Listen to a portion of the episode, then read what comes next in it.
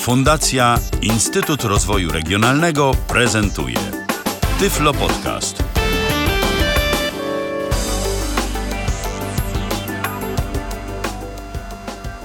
Minęła godzina 19, a nawet powiedziałbym, że ta godzina y, minęła 5 minut temu. To jest Radio N. Y, słuchacie nas na www.radio.nfm. Minęła 19, jak już wspomniałem, mamy poniedziałek, a zatem, skoro mamy poniedziałek, to spotykamy się z audycją Tyflo Podcastu na antenie Radia N. Dziś rozmawiać będziemy o wydarzeniu, które no, jest bardzo istotne w świecie osób niewidomych i słabowidzących, szczególnie w Polsce. I myślę, że w ogóle w Europie y, Środkowej, w Europie Wschodniej y, to jest wydarzenie bardzo ważne.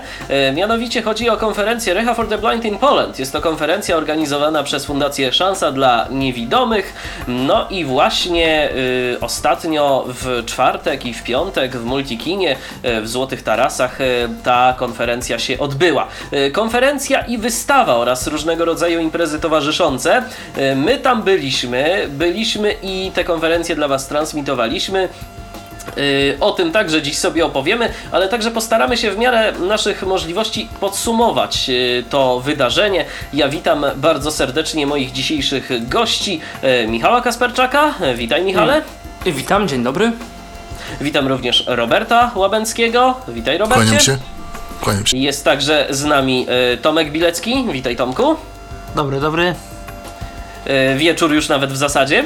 E, No i jest z nami również Patryk Faliszewski, e, technicznie jak może. Witaj Patryku. Witam, witam. Chyba, chyba Ale- Ale... to wszystko. Tak, słychać nas wszystkich, wszystkich nas łączy jedno. Byliśmy ostatnio na konferencji Reha for the Blind in Poland. Jedni widzieli więcej, inni widzieli mniej. Dlaczego widzieliśmy mniej i więcej, to o tym opowiemy już za momencik. Michale, ty widziałeś chyba z nas najwięcej. Y, Jakie są ogólnie twoje wrażenia, jeżeli chodzi o tę konferencję? Y, Bo ty byłeś nie na jednej resze, byłeś na kilku rechach, y, masz jakieś porównanie. Co byś powiedział tak y, tytułem komentarza tego, co się działo? Dobrze. W tym roku y, odbyła się dziesiąta mm, już edycja y, międzynarodowej konferencji i wystawy y, pod nazwą Reha for the Blind in Poland, y, którą y, jak zawsze mm, organizuje Fundacja y, Szansa y, dla Niewidomych. Y, Konferencja przez ostatnich kilka lat odbywała się w Bibliotece Narodowej, natomiast w tym roku zmieniono miejsce pobytu, zmieniono miejsce konferencji na Multikino Złote Tarasy. Na jedną z sal kinowych, salę numer jeden, y, foyer, okoliczne pomieszczenia, Velvet Bar i jeszcze, jeszcze, jeszcze kilka innych okolicznych korytarzy. Czy to dobrze, czy to źle, mm, zdania są podzielone. Dobrze na pewno dlatego, że y, Multikino Złote Ta- Tarasy, jak i w ogóle cała ta y, galeria handlowa Złote Tarasy znajduje się bardzo blisko dworca y, kolejowego Warszawa Centralna.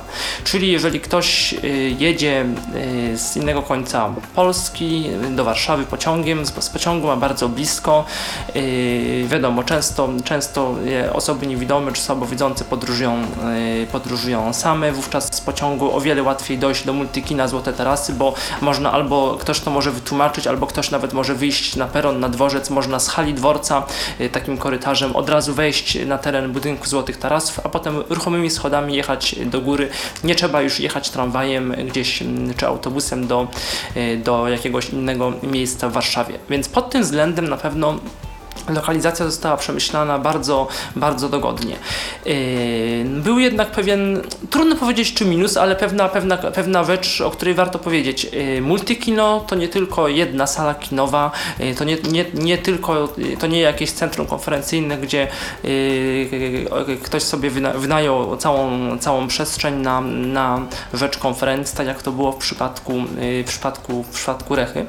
Multikino to wiele sal i jeszcze konferencja odbywała się, jak pamiętamy, 6 grudnia, znaczy 6 i 7 grudnia, ale pierwszy dzień, 6 grudnia, no to Mikołajki. Także wiele sal kinowych, wiele dzieci idących do kina y, na jakieś imprezy y, około, około świąteczne i y, około właśnie południa, około 12, kiedy konferencja się rozpoczęła i, za, za, i trwała, no był ogromny tłok, wiele, wiele, wiele, wiele, wiele dzieci, wiele ludzi i powodowało to dużą dezorientację. To znaczy, jak, jak z, z koleżanką szedłem na konferencję, no to wiele osób, y, my się pytaliśmy dokładnie, gdzie to jest, wiele osób się pytało, gdzie to jest. Y, ogólnie niestety był problem, był problem z, z informacją, zarówno taki, że nie, być może, i to zresztą pan z fundacji potem przyznał, było za mało wolontariuszy albo za mało, za mało, za mało informacji i oznaczeń, gdzie dokładnie ta konferencja jest, tak żeby się nie zgubić.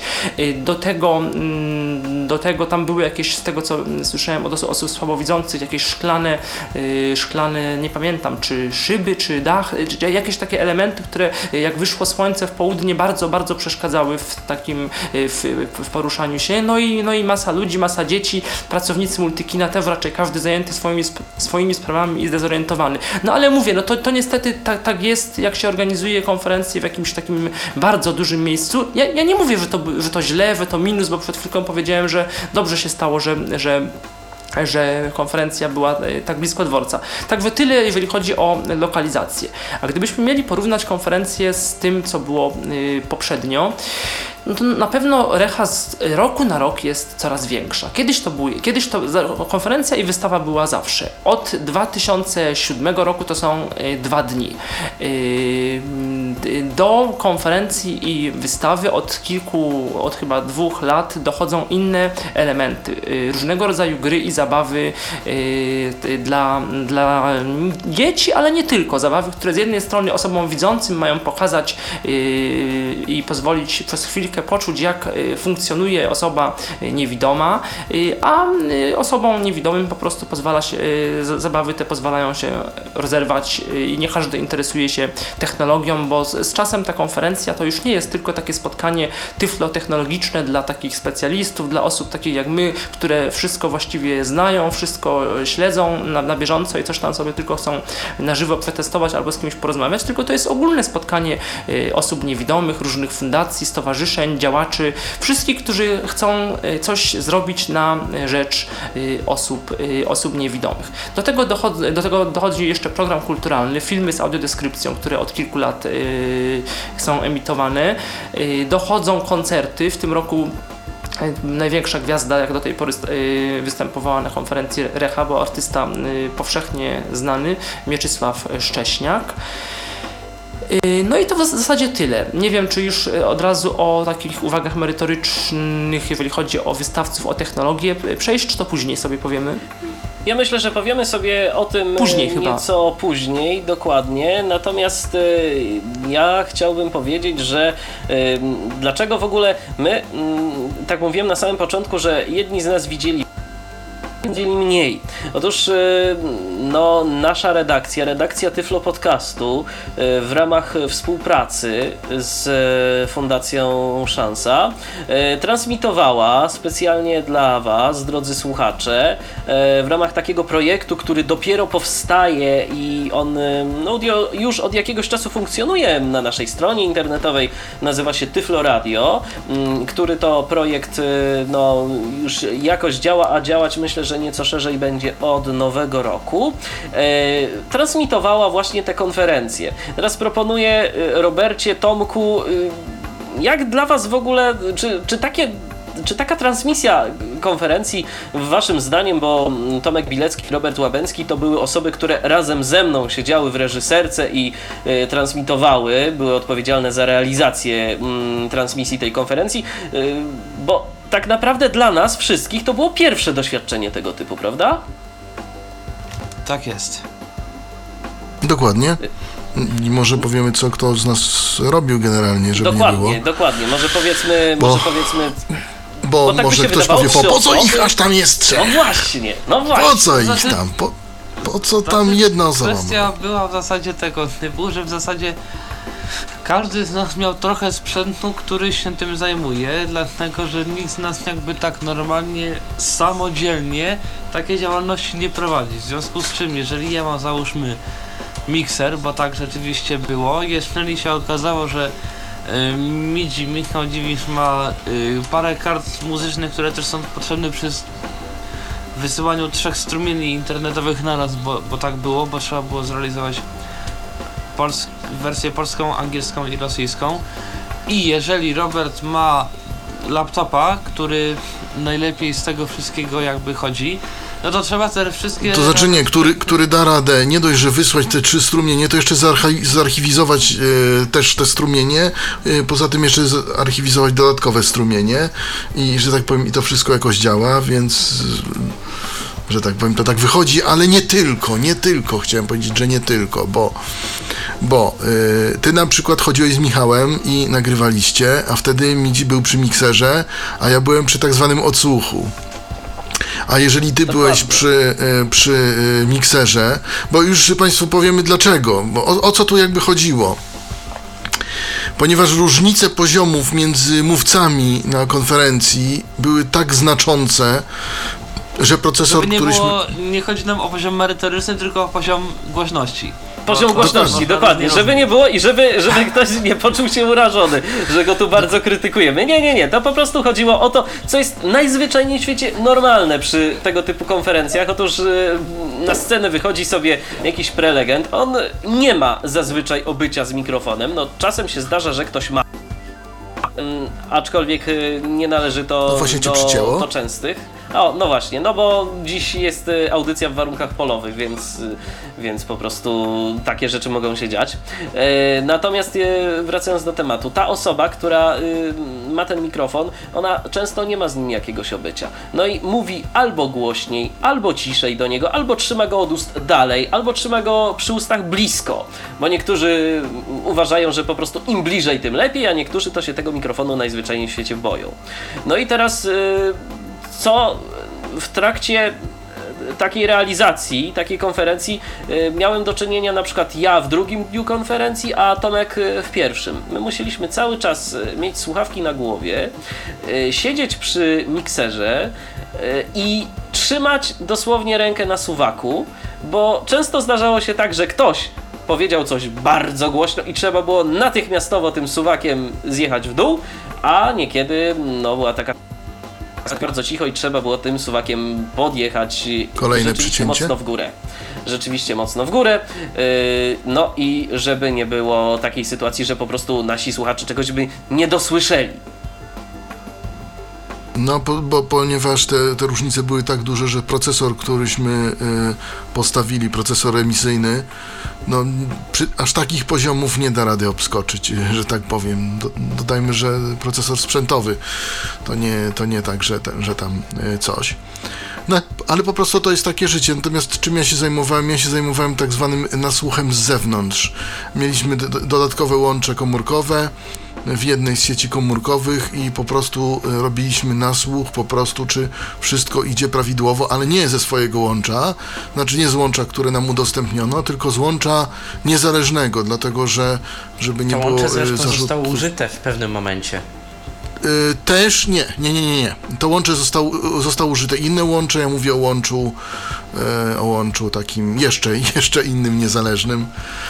My się, proszę Państwa, uzbroiliśmy po zęby na tę konferencję. Tak, uzbroiliśmy się i każdy z nas pilnował e, tego wszystkiego i trzeba było to, to wszystko, że tak powiem, monitorować na bieżąco, żeby też nie było zarzutów, że coś tu nam e, nie działało, coś... e, I z tego co wiemy, generalnie chyba wszystko działało w miarę prawidłowo. Natomiast, natomiast, no, było trochę pracy, jakby to Było trochę powiedzieć. pracy, y, możemy tak powiedzieć, nie wdając się zbytnio w szczegóły i w zawiłości techniczne, że y, jak weszliśmy wieczorem o godzinie 23.30 mm, do Multikina, do tak zwanej projektorni, czyli do miejsca skąd nadawaliśmy, y, to y, wyszliśmy stamtąd o godzinie 5.30. Notabene bardzo cichego miejsca. Tak, notabene bardzo cichego miejsca, w cudzysłowie oczywiście. To Ja, ja nie przypuszczałem, że w kinie pracuje się w tak wielkim huku, proszę Państwa. To jakbym był w lakierni jakiejś, albo w jakiejś farbiarni takiej, tam takie, też takie we- wentylatory i huczały i no nie wiem, no. Myślałem, że to jest, to jest jednak ciche, a tymczasem się okazuje, że to nie jest ciche pomieszczenie. Ciche i, którzy- i potwornie zimno tam. To, to mnie zaskoczyło, jak do was przyszedłem. Tak, tak, tak. Mieliśmy pomieszczenie z klimatyzacją. Niestety tej klimatyzacji nie dało się wyregulować. No, tak, tak była ustawiona, jak była ustawiona, że tak powiem. Więc, więc, więc, że tak powiem. Natomiast było głośno, stąd niestety nie zapraszaliśmy nikogo do studia, bo się po prostu nie dało za bardzo rozmawiać. Że tak było Zgadza się. Ci wszyscy, którzy, ci wszyscy, którzy y, słuchali transmisji, y, której zresztą archiwa będą dostępne na stronie Tyflo Podcastu już niedługo. Y, jeszcze ciężko mi jest powiedzieć y, o konkretnej dacie, ale to niedługo już będzie do Państwa dyspozycji, do odsłuchu.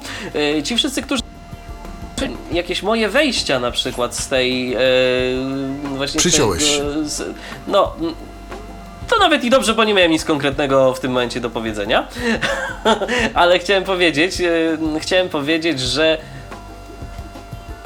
e, chciałem powiedzieć, e, że mm, no jeżeli była sytuacja taka, że mm, ktoś słuchał od początku tej transmisji, to usłyszał ten szum. O, to usłyszał ten szum, usłyszał co się działo, bo, bo było, były dwa czy trzy wejścia robione właśnie z reżyserki Multikina. Także to takie kulisy. A my techniczne. myśleliśmy o wzięciu mikrofonów pojemnościowych, wdając się troszeczkę w szczegóły.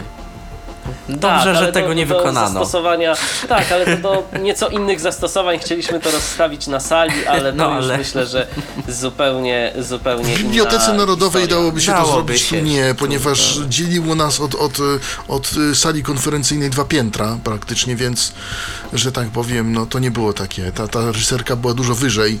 To wszystko było sprytnie kablami połączone przez nie tylko Nazary Techników, technika multikinowego. E, Pana Krzysia pozdrawiamy, może nas słucha przy okazji, może, a co, może kiedyś usłyszy.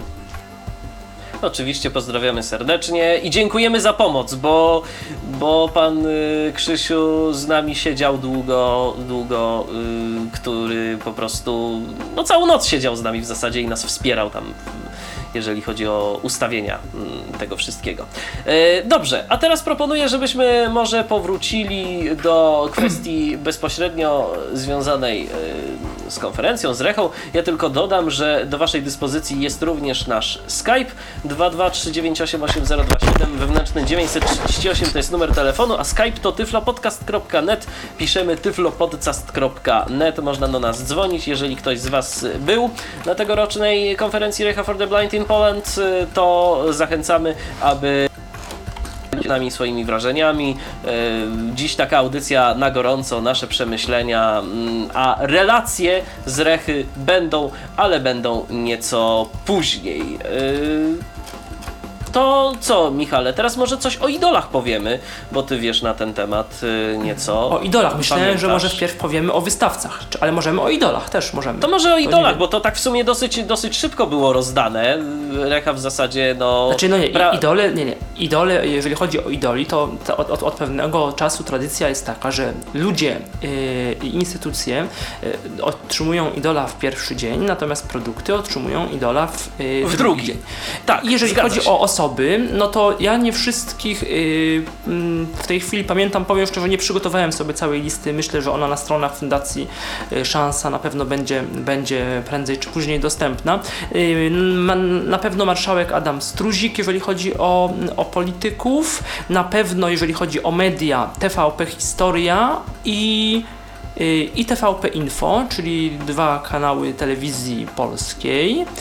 Yy, I jeżeli chodzi o osoby, no to z takich osób, yy, które ja gdzieś tam znam yy, i też Państwo myślę znają, no to Mikołaj Rotnicki z Poznania.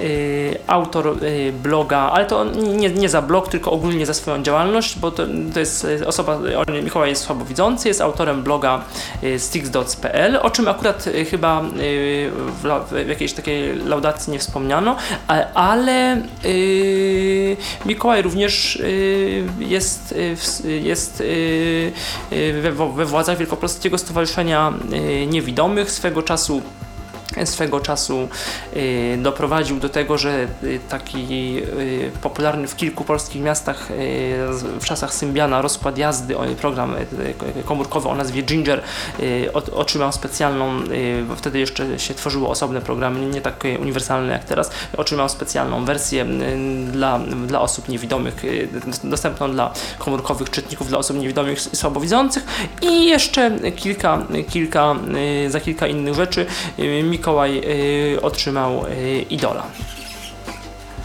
Y, To jeżeli No to słuchamy, to słuchamy, Patryku. Tak, to mamy opinię na Skype'ie. Już na, na dzień dobry. Piotr pisze. Witam.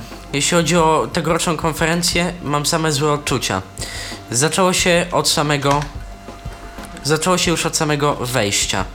Stałem z białą laską, szukając wejścia do Multikina i żaden z wolontariuszy, którzy mieli oprowadzać ludzi na konferencję, nie podszedł do mnie. Kiedy już znalazłem wejście, okazało się, że pani w recepcji nic nie wie o żadnych przewodnikach. Wypełniłem formularz na stronie formularz, wypełniłem formularz na stronie Fundacji Szansy i zaznaczyłem, że potrzebuję pomocy przewodnika. Niestety pani nic o tym nie wiedziała, że są jacyś przewodnicy. Zaprowadziła mnie do sali konferencyjnej i powiedziała, że za parę minut przyśle do mnie kogoś, z kim mógłbym chodzić po wystawie. Niestety na tą osobę się nie doczekałem.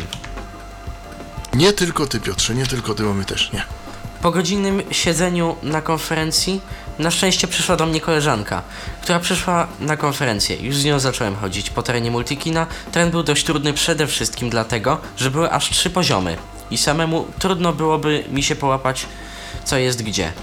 Poszedłem na turniej ping-ponga, ale niestety przyszedłem za późno, bo już było el- po eliminacjach. I tu następna rzecz, która zawiodła. Była to jakaś organizacja. Nigdzie nie było napisane, dokładnie w jakich godzinach zaczynają się turnieje, konkursy i tak. Był ogólny zarys, ale niestety dokładnie o której będą konkursy nie było powiedziane. Będąc na wystawie poszedłem do stanowiska jednej firmy i spytałem się co mają na wystawie. Pan odpowiedział mi, że mamy tylko niektóre drobnostki, bo nie można sprowadzić wszystkiego i już nic więcej nie powiedział. I tak mogłem jako osoba niewidoma dowiedzieć się, co mają na wystawie. Dodat... Do... mm, Na dodatek moja znajoma chciała pójść na naukę makijażu. Ta jakaś widząca y, pani powiedziała, że trzeba się ustawić w kolejkę. Moim zdaniem pierwszeństwo powinny mieć osoby niewidome, a nie widzące, które chcą sobie zrobić makijaż.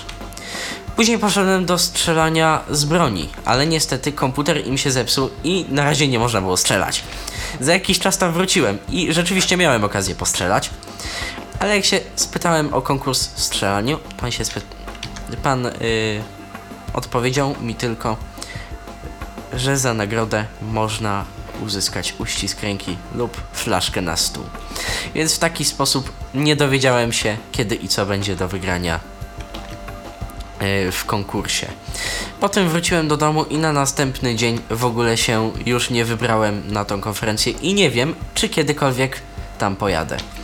Jestem bardzo zawiedziony tegoroczną konferencją i mam zamiar napisać w tej sprawie do Fundacji Szansa. Pozdrawiam, Piotrek. Dziękujemy Ci Piotrku za ten głos w dyskusji. No, widać, że Piotr ma sporo uwag do tegorocznej rechy, a Wy drodzy słuchacze, pochwalicie czy nie pochwalicie? Czekamy. 223988027 wewnętrzny 938 oraz nasz radiowy Skype o loginie tyflopodcast.net. Teraz proponuję, abyśmy zrobili sobie odrobinę muzycznego wytchnienia, a do konferencji Recha for the Blind in Poland wrócimy już za chwilę. Nie. O, to dobrze. To skoro mamy Skype'a, to odbierzmy Skype'a. Okazuje się, że mamy telefon. Prosimy bardzo. Halo, kogo witamy? E, Witamy. Witaj Piotrze. Ty pisałeś przed momentem? Mm, nie, nie, nie, nie. Nie, E, czyli po prostu kolejny Piotr. Okej, generalnie- słuchamy cię Piotrze.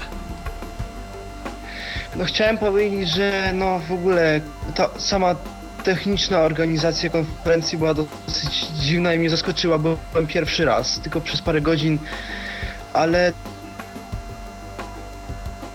to mi wystarczyło, żeby mm, zrozumieć, że średnio było to przygotowane wszystko. E, Dźwięki systemowe, komunikaty na, e, z komputera na projektorze, problemy techniczne i w ogóle. Em, uważałem, że to uważam, że to było też jakieś takie ten e, niestosowane. Słyszałem od e, osób, z którymi byłem ze szkoły, że ludzie, którzy siedzieli przy projekt, e, przy komputerze, człowiek e, jak wypowiadał się ponoć był ładnie ubrany, nie wstawał do wypowiedzi. E, I generalnie czasem ludzie stali tyłem do widowni. To było kolejne, a jeszcze ostatnie e, że pochwalę się 10 minut dowiadywałem się jak dojść tutaj do kolegów do projektorni, bo ci nie wiedzieli, tam ci nie wiedzieli i w ogóle. Ale cieszę się, że mogłem do, do was pójść w ogóle. No mało zobaczyłem, bo musiałem o 14 wyjechać, ale no i tak wam gratuluję wytrwałości, bo jak tam byłem to też było głośno, ale te wypowiedzi z y, projektorni były zrozumiałe i to jest słuchajcie najważniejsze. Y, Piotrze, a co do wystawy, coś ciekawego zobaczyłeś? Y, Bo chodzi mi teraz właśnie o wystawę, nie o samą konferencję, Tak bo naprawdę- no, wykłady, wykłady będą do, będą do odsłuchania, ale chodzi mi o, o to, co udało Ci się zobaczyć, coś Cię może zaciekawiło?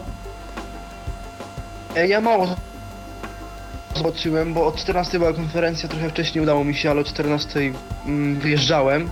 E, No, z- widziałem ten, tego Sinfona, ale w ogóle wszystko tak pobieżnie widziałem, bo nie miałem okazji się przyjrzeć, bo to wszystko jak szybko trwało, było za mało czasu na to. W przyszłym roku już myślę, że przyjadę na całe dwa dni, urwę się ze szkoły, bo mm, no, warto by było. Niestety, mało, mało zobaczyłem, ale Cieszę się tak, że, i tak się cieszę, że byłem, bo, dowiedziałem się, jak wygląda to i w ogóle. Ale może w przyszłym roku będzie lepiej, jasne. Dobrze, dziękujemy Ci w takim razie Piotrze za telefon, pozdrawiamy, do usłyszenia, a teraz proponuję, żebyśmy zrobili sobie odrobinę muzycznego wytchnienia. Oczywiście można do nas... O, Tutaj dzwoni dzwo- kolejny! Dzwonią ludzie. Znaczy, ja, ja, za, ja, kolejny za, telefon. ja zadzwonię, bo dzwonił y, człowiek już podczas trwania y, połączenia. Dobrze, To, to telefony, dobrze. To ludzie, listy, razie- ludzie listy No, piszą, jak to, jak to się mówi. Bardzo, To bardzo dobrze. dobrze. Więc To dobrze, to odbierzmy kolejny telefon. A jeszcze w Dzwonimy. międzyczasie Michale, Michale, ty coś Tak, no chciałeś ja tylko powiedzieć. chciałem powiedzieć, że jeśli można, to polecam jednak je, jechać z kimś na konferencję, z przewodnikiem swoim i trochę się uzbroić w cierpliwość i najlepiej na dwa dni. Wówczas to nam gwarantuje, że prędzej czy później, ale osiągniemy to, co chcemy, zobaczymy to, co witamy, chcemy. Jacek Warto- jest z nami, dedukuje. Witamy. No witaj Jacku. Czy ty byłeś na konferencji? Nie, ale słuchałem teraz tego. E, słuchałem teraz te, e, te, tego, co mówicie, nie? I ten. I chciałem pochwalić, że ten, że ładnie przeczytał Patryk ten, co czy, teraz e, mówił. Nie? Dobrze Jacku, ale to w takim razie, no skoro nie byłeś na konferencji, no to jakby chyba średnio, średnio uda ci się głos w dzisiejszej y, dyskusji. Dyskusji. W każdym razie chwalimy Patryka również razem z tobą i dziękujemy ci bardzo za telefon. Y, Pozdrawiamy, Ale ja, ale, ja się, się. ale ja siebie nie pochwalę. Natomiast Dobrze. rzeczywiście, słuchajcie, chyba był brak wolontariuszy, tak trzeba so- sobie to powiedzieć i e, no, gdyby nie e, jedna osoba, konkretnie Kinga, e, która była naszymi oczami. No, Może Kinga przy- się do nas tu odezwie, bo jest. Tylko, tylko pytanie, czy się nie będzie bała mikrofonu. Kinga się odezwie? Chodź do nas, chodź. Opo- opowiesz, swo- opowiesz o swoich wrażeniach. To e, No, ki- no Kinga, Kinga się, Kinga y, się No, niestety boi mikrofonu, to a ma- szkoda. A szkoda. Może, przez muzy- może przez muzyczną przerwę będziemy ją jakoś przekonywać, żeby się odezwała.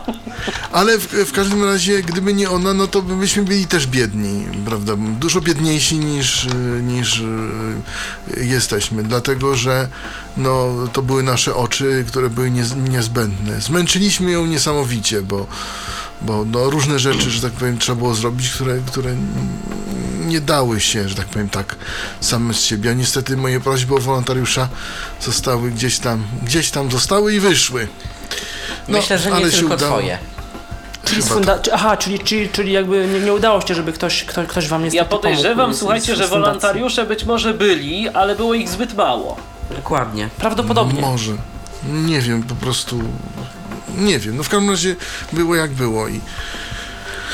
No i tyle. No. A, a myślę, że te osoby, które, które pracowały jako, nie jako wolontariusze, tylko, tylko jako osoby, myślę też, że w, zasługują na wzmiankę, prawda? Że, że, że pomagały nam to, bo to jednak tam bez oka to troszkę trudno.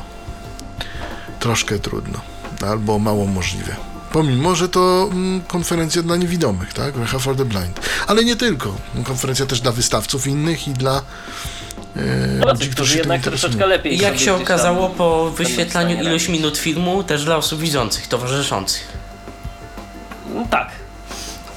Tu, tu troszeczkę mniej lub bardziej złośliwie piję do pierwszego z filmów z audiodeskrypcją, który przez pierwsze kilka minut był wyświetlony bez obrazu. Dopiero potem zapadła decyzja, żeby jednak ten obraz włączyć, bo są też na sali osoby widzące. Ten e, film w ogóle się chyba nie do końca On wyświetlił, nie do końca, ten film się tak, nie do końca został wyświetlił. do końca. bo coś się tam stało.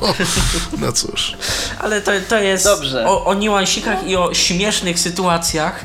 Mm, Myślę, że jeszcze powiemy na y, takich niekoniecznie, które, które niekoniecznie chcemy zarzucić jako tak i wyklinać od razu Bo to jest, fundację. bo to jest o, po, powiedzmy od razu jedną rzecz. To jest konferencja e, na żywo, to się wszystko dzieje na żywo, tego tam naprawdę jest no, dosyć duży tłok organizacyjny. Zrobić to wszystko i to tak zrobić, żeby się, wszyscy, żeby się nic nie posypało, no to proszę Państwa, to trzeba no myślę, że nie licho napracować, skoro my nad transmisją taką internetową, że i no przy, dbając o nią gdzieś tam, spędziliśmy całą noc mm, tam w multikinie i ją przygotowywaliśmy, no to pozostałe rzeczy podejrzewam, że też. Jeżeli chciałoby się zrobić dobrze, a nawet bardzo dobrze, na poziomie, to trzeba by było poświęcić znacznie więcej czasu, a nie zawsze poświęcenie tego czasu jest możliwe po prostu. No tak. Więc teraz proponuję, abyśmy odrobinę muzyki yy, usłyszeli, czy znowu nie można, bo ktoś dzwoni Patryku? Można, można, wszystko dozwolone. No to jak można, to grajmy. I wracamy za chwilę. Tyflo, tyflo, tyflo, tyflo, tyflo, tyflo. To jest Tyflo Podcast.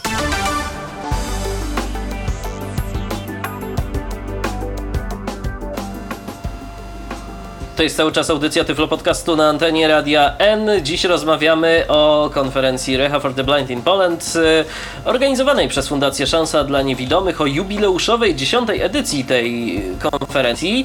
Y, No, mie- liczyliśmy na jakieś y, opinie osoby widzącej, ale niestety Kinga wystraszyła się mikrofonu. Ale osoby niewidome do nas pisały i dzwoniły. Tak, ale osoby niewidome do nas, do nas pisały, oczywiście i dzwoniły. Czekamy na kolejne e, osoby, kolejne głosy ze strony naszych słuchaczy.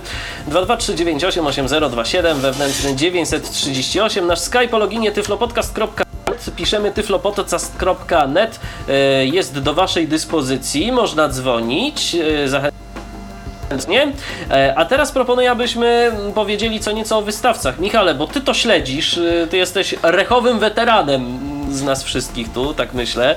Y, Na ilu rechach w ogóle ty już byłeś? Bo ja straciłem rachubę, szczerze mówiąc. No to ja też muszę policzyć Ty w też? takim razie. E, 2003, 2004, 2007, 10, 11 i, dwa- szósty, i 12, czyli szósty raz teraz byłem. O, no to już naprawdę sporo konferencji odwiedziłeś z tego cyklu, więc jak z wystawcami? Obrodziło w tym roku, czy tak nie trzeci, ma? raz jako, trzeci raz jako Tyfloświat, jako nagrywanie wystawców. I hmm, czy obrodziło? Wy, moim zdaniem, znaczy, Od pewnego czasu, y, to taka troszkę ogólna konstatacja, od pewnego czasu poza y, tymi głównymi tyflograczami y, na konferencji również są y, fundacje, stowarzyszenia i różne inne instytucje, takie jak na przykład banki. y, Szkoły i, nawet. y, y, tak, Co mnie też szkoły. zaciekawiło. I, i, tak, i to Uczelnie. jest, ja niestety y, nie udało mi się, to za rok mam nauczkę, że muszę bardziej temu się przyjrzeć, bo y, często te szkoły, instytucje właśnie edukacyjne miały jakieś takie małe stanowiska albo były tylko jeden dzień i niestety nie udało mi się, na przykład y, nie udało mi się w tym roku nagrać właśnie szkół, uniwersytetów, Fundacji Katarynka. Y, Tego mi się nie udało y, zrobić. Nie nagrałem y, też BZWBK, to dlatego, że w zeszłym roku były, były, byli, byli nagrywani i dlatego, że dosyć y, dużo o nich było w podcaście o mm, forum y, FDC, Forum Dostępnej Cyberprzestrzeni, gdzie dwie prezentacje z, y, na temat BZWBK miały miejsce, prezentacja z sali i jeszcze wywiad osobny z panią z BZWBK, no to stwierdziłem, że po trzech miesiącach, no trochę, trochę bez sensu jeszcze z kimś tam z Warszawy lokalnie, mm, lokalnie rozmawiać, kiedy mieliśmy do czynienia z osobami z samej centrali z Poznania. Tak, z tymi osobami mi się nie udało porozmawiać. Zanim powiem, kto był, to może powiem, kogo nie było. Nie było po raz y, już drugi, bo rok temu też nie było. Nie było firmy Code Factory, hiszpańskiego potentata y, w pro- produkcji komórkowych screenreaderów, Mobile Speak, y, Mobile, y, y, mobile Speak i, pro, i Mobile Accessibility dla, dla Androida. Ten pier, pierwszy program dla Symbiana. Nie wiem dlaczego ich nie było, trudno mi, trudno mi mm, powiedzieć. Nie było firmy Bones ze Szwajcarii, producenta odtwarzacza y, książek y, o nazwie Milestone. Yy, To w ogóle taka też ciekawa sprawa, bo często jest tak, że firmy, które, a to sobie opowiemy o tym przy okazji, przy okazji Idola, bo to jest też ciekawe. Yy, Nie było również Olympusa, ale też trudno się dziwić, bo w tym roku nic nowego yy, z dyktafonów takich bardziej profesjonalnych i rejestratorów w Polsce nie pokazano, dla osób niewidomych również nie, tym bardziej nie, no więc Olympus mógł się w tym roku nie pojawić i, i, i no właściwie nie, chcie, nie chcieli pewnie tego z niczym, yy, nie chcieli z, y, bez jakichś nowości się pojawiać. Natomiast kto był? No wiadomo, były te firmy takie typowe, co zawsze, to znaczy Altix, ECE, y, Migraf, y, który właściwie Altix sprzedaje nawigator, więc to tak był. Była po kilku latach przerwy, bo to tak co dwa lata średnio się pojawia firma Medison, Medison Wojciech Maj. Było studio Tyflograf, studio, y, studio Tyflografiki y, Marka Jakubowskiego z Owińsk. Był Yy, był BZWBK, był mm, producent aby y, Fine Reader. I nie wiem, czy nie Fine pierwszy raz, y, jeśli się mogę wtrącić, był chyba tak, tak, Esys. proszę, proszę. Oj nie, E- Eurobraille znaczy się. ESYS to są urządzenia brailleowskie, a, fir- tak, a firma, Eurobraille, która je tak, tak, produkuje, tak, się tak, nazywa tak, tak, tak, tak, tak. Nie, nie, Eurobraille już był Ja kilkukrotnie. widziałem, yy, ale może akurat bo tak oni tak jakoś się nie eksponowali. Yy, oni niestety w tym roku trochę umknęli, ale to też o tym, o tym powiem później. Z takich instytucji Ale mi powiedzmy, że nie umknęli. Ja, ja się zdążyłem z nimi tam jakoś... O, to bardzo dobrze. Mi nie, umknęli z racji, że ja patrzyłem na monitory brailleowskie, to... No, ja też, to ale tam. jakoś ja tak trochę ste- stereotypowo do nich podszedłem i zapo- zapomniałem o tym o komputerze brailleowskim, go olałem niestety. A ja się bawiłem, a ja się bawiłem O, tym. to I mam, opowiemy mam o tym, swoje to refleksje, bardzo- ale nie mogłem za dużo, więc, więc nie wiem, Tak, nie, nie mam tym pełnego obrazu. Natomiast no, mam te swoje Yy, przemyślenia co do tego. Był Alpha Prim Krzysztofa Wostala, y, licząca już się w Polsce firma, firma szkoleniowa, oferująca szkolenia dla osób niewidomych i słabowidzących. Była Fundacja Wismajor przez y, chwilę, była Fundacja Katarynka, była Fundacja Instytut Rozwoju Regionalnego z Krakowa. y, Czekałem aż to powiesz, Michale. tak, i Tyflo, i tyflo, tyflo Świat Kwartalnik Technologiczny się również promował, czyli... Tyflo Podcast się nie promował, bo Tyflo Podcastu załoga siedziała wyżej. No czyli te jakby, te, tak, Tyflo Bo Podcast Tyflo się Podcast promował to w klasa sama sensie. w sobie. Pracował po prostu, tak, się pracował, e, Tyflo Podcast po prostu e, pracował w tym czasie. No Tyflo Świat w sumie też, ale jakby to, w- to się później wszystko objawi. Ym, Także to chyba tyle. Myślę, czy, czy jeszcze o czymś... Aha, no a filmy zagraniczne. Był, był wspomniany przez y, Patryka Eurobraille, był... Y, Handytech. y, Wojcie, tak, Handytech z, Woj, z Wojciechem Majem, niemiecka firma, również produkująca... O właśnie, i też taka ogólna uwaga. Y, kilka lat temu się mówiło i było bardzo dużo wszystkich powiększalników, jakieś lupy, okulary, takie różne rzeczy, te lampy, daylight, różne rzeczy dla osób słabowidzących. Ten rok, jak zarówno tak e, jak i na konferencjach jakichś tam Poprzedni amerykańskich, jak, jak w Polsce i poprzedni rok, urządzenia brajlowskie wracają. I to dzięki temu, że mamy te małe urządzenia i dzięki temu, że y, smartfony, iPhone, y, głównie iPad, y, tablet, ale myślę, że bardziej iPhone są w natarciu. Coraz więcej niewidomych użytkowników używa urządzeń z iOS-em i urządzenia brajlowskie przeżywają swoją drugą I młodość. dzięki tak- temu, tak, że są dofinansowania. No dzięki temu, są dofinansowania, to prawda, ale dofinansowania mniejsze lub większe no, były zawsze poza zeszłym, jakimś zeszłym rokiem bodajże, więc to y, ja myślę, że te y, ce, ce, znaczy, ceny się w miarę też usystematyzowały, znaczy spadły tych urządzeń, bo wszystkie Nieznacznie. urządzenia takie, znaczy nie, no nie, trochę znacznie, bo kilka lat temu, y, oczywiście są ciągle drogie jakieś baumy, jakieś alwy za 20 tam tysięcy, czy jeszcze dro- drożej, ale jeszcze kilka lat temu było nie do pomyślenia, żebyśmy za 13-14 tysięcy kupili sobie 40, 40-znakową linijkę brailleowską z bluetoothem yy, i może jeszcze z jakąś yy, mini Z podstawowym pamięcią, notatnikiem notatnikiem, czymś- takim i tak, klawiaturką. to, no to, tak. było, to było nienormalne, to było coś nie do pomyślenia. Oczywiście ESYS, jak już o tym tak mówimy, ESYS kosztuje 20 ciągle tysięcy, dużo, ale taki Braille Edge około 12 tysięcy. Yy, Harpo nie było, bo nigdy nie ma konferencji, ale humanware'owe urządzenia też około 13 tysięcy yy, Focus. Brailleanty. Yy, Focus, Focus też to 13 też budżetowa tysięcy, linijka 40. dość tania, Tak, dokładnie. bu- budżetowa linijka, ale też całkiem niezła, szczególnie dla użytkowników JOSa, a mamy też y, we- wersję przecież mobilną, wersję 14-znakową za 7 za 7 tysięcy. No i nie chcąc Także- dyskryminować e, NVDA też. NVDA naprawdę nieźle współpracuje z Focusami i Packmate'ami i całym Freedomem. I tak, to jest- jest, co jest prawda. Mhm, oczywiście. Oczy, To tak, naprawdę tak, tak. fajnie, miło pracuje. Chociaż ja jestem ciekaw, bo tam gdzieś podobno jakieś, było jakieś przebąkiwane o jakiejś technologii, co prawda nie na konferencji Rycha, tylko CISAN i nie pamiętam czy w roku 2012 czy w 2011. Chyba 11. Chyba 11, że jest jakaś nowa technologia generalnie Braille'a, która ma jakieś tam wady. Nie pamiętam w tej chwili jakie, czy to chodziło o opóźnienia, czy to chodziło. Nie pamiętam o co. W każdym razie ona była x razy tańsza od tej technologii, która jest wykorzystana obecnie, która pozwoli na stworzenie linijki za kilka tysięcy tak, złotych. y, No No, tak, tak, pytanie- ja już pamiętam, ja już pamiętam o co chodziło, to wam powiem od razu. Chodziło o to, że ten, e, że ta technologia nadawała się zdecydowanie lepiej do wyświetlania całych linijek tekstu. Jeżeli na przykład y, mamy sytuację taką, że z, czytamy tekst wiersz po wierszu, to bezproblemowo byśmy mogli ten tekst na linijce wyświetlić. Natomiast jeżeli mamy taką sytuację, że powiedzmy dwie komórki y, linijki brajlowskiej y, odliczają nam, dajmy na to czas, a cała reszta jest nieruchoma, no to ta technologia, o której mówicie, y, nie sprawdzi się w tym przypadku. Przechodząc dalej, tak, to prawda. Y, Przechodząc dalej do technologii brajlowskich, y, firma, y, ale sobie też o tym jeszcze powiemy głębiej przy okazji omawiania urządzeń. Handytech ze swoimi, ze swoimi specyficznymi technologiami, ze, spe, ze swoimi specyficznymi urządzeniami brajlowskimi.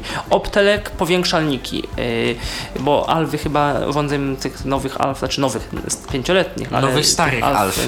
y, Nowych starych chyba nie było tym razem, a może mi umknął. Była chyba jakaś też- jedna, ale generalnie mówili, że w razie czego, jeśli coś chcę więcej, to kontaktuj się z Harpo.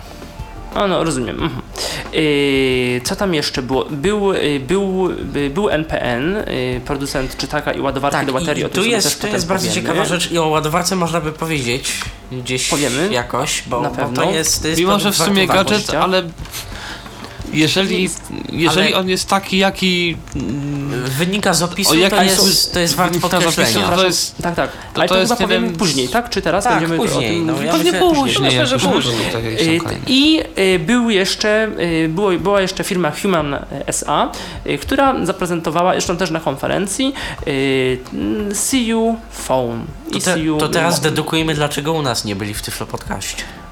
No właśnie. No, No I myślę, że tu komentarza nie trzeba. Tak, Ale dostałem kolejnego maila, y, że y, się odezwą za czas jakiś, że no, napisał, napisał do mnie pan, że y, się nie mogliśmy osobiście poznać, bo był ogromny, nad, ogromny tłok i coś tak. Więc myślę, że prędzej czy później usłyszymy. A na, mam też nagranie z Marcinem Zielińskim, które, które zaprezentujemy w Najbliższej relacjach, w, tak, w relacjach z konferencji, bo myślę, że około dwóch godzin materiałów, y, rozmów z wystawcami y, opublikujemy. Z 14 takich materiałów mam, więc myślę, że będzie czego słuchać. A, Lumen to mówiłem chyba. Y, Kto, czy ktoś jeszcze z takich y, Swarowski, to Białe Laski z Czech, Mówiące Miasto, rosyjska firma, nazwy nie pomnę. y, Ja też teraz nie. syst- System informacji pasażerskiej, Politechnika Łódzka, podobne rozwiązania, o tym sobie też troszkę potem powiemy. Inf, y, EMAK, Infokioski z Katowic. I myślę, że to z grubsza rzecz biorąc wszyscy, wszyscy wystawcy. Jeśli chodzi o te rzeczy około technologiczne, bo oczywiście było tak jak mówiliśmy już, wiele szkół, w tym Uniwersytet Jana Pawła II z Krakowa był. e, Ale był była bank też firma, WPK była też firma, która produkowała wózki inwalidzkie. Była. e, A, jeszcze. Transition Technologies jeszcze była firma. E, Bo była, ponoć tak. coraz więcej jest osób niewidomych na wózkach, w związku z tym te wózki zagościły tutaj. Dokładnie, za- No i zago- idola dostał też pan Piotr Pawłowski e, z Stowarzyszenia Przyjaciół Integracji. Wiem, że z tego co wiem.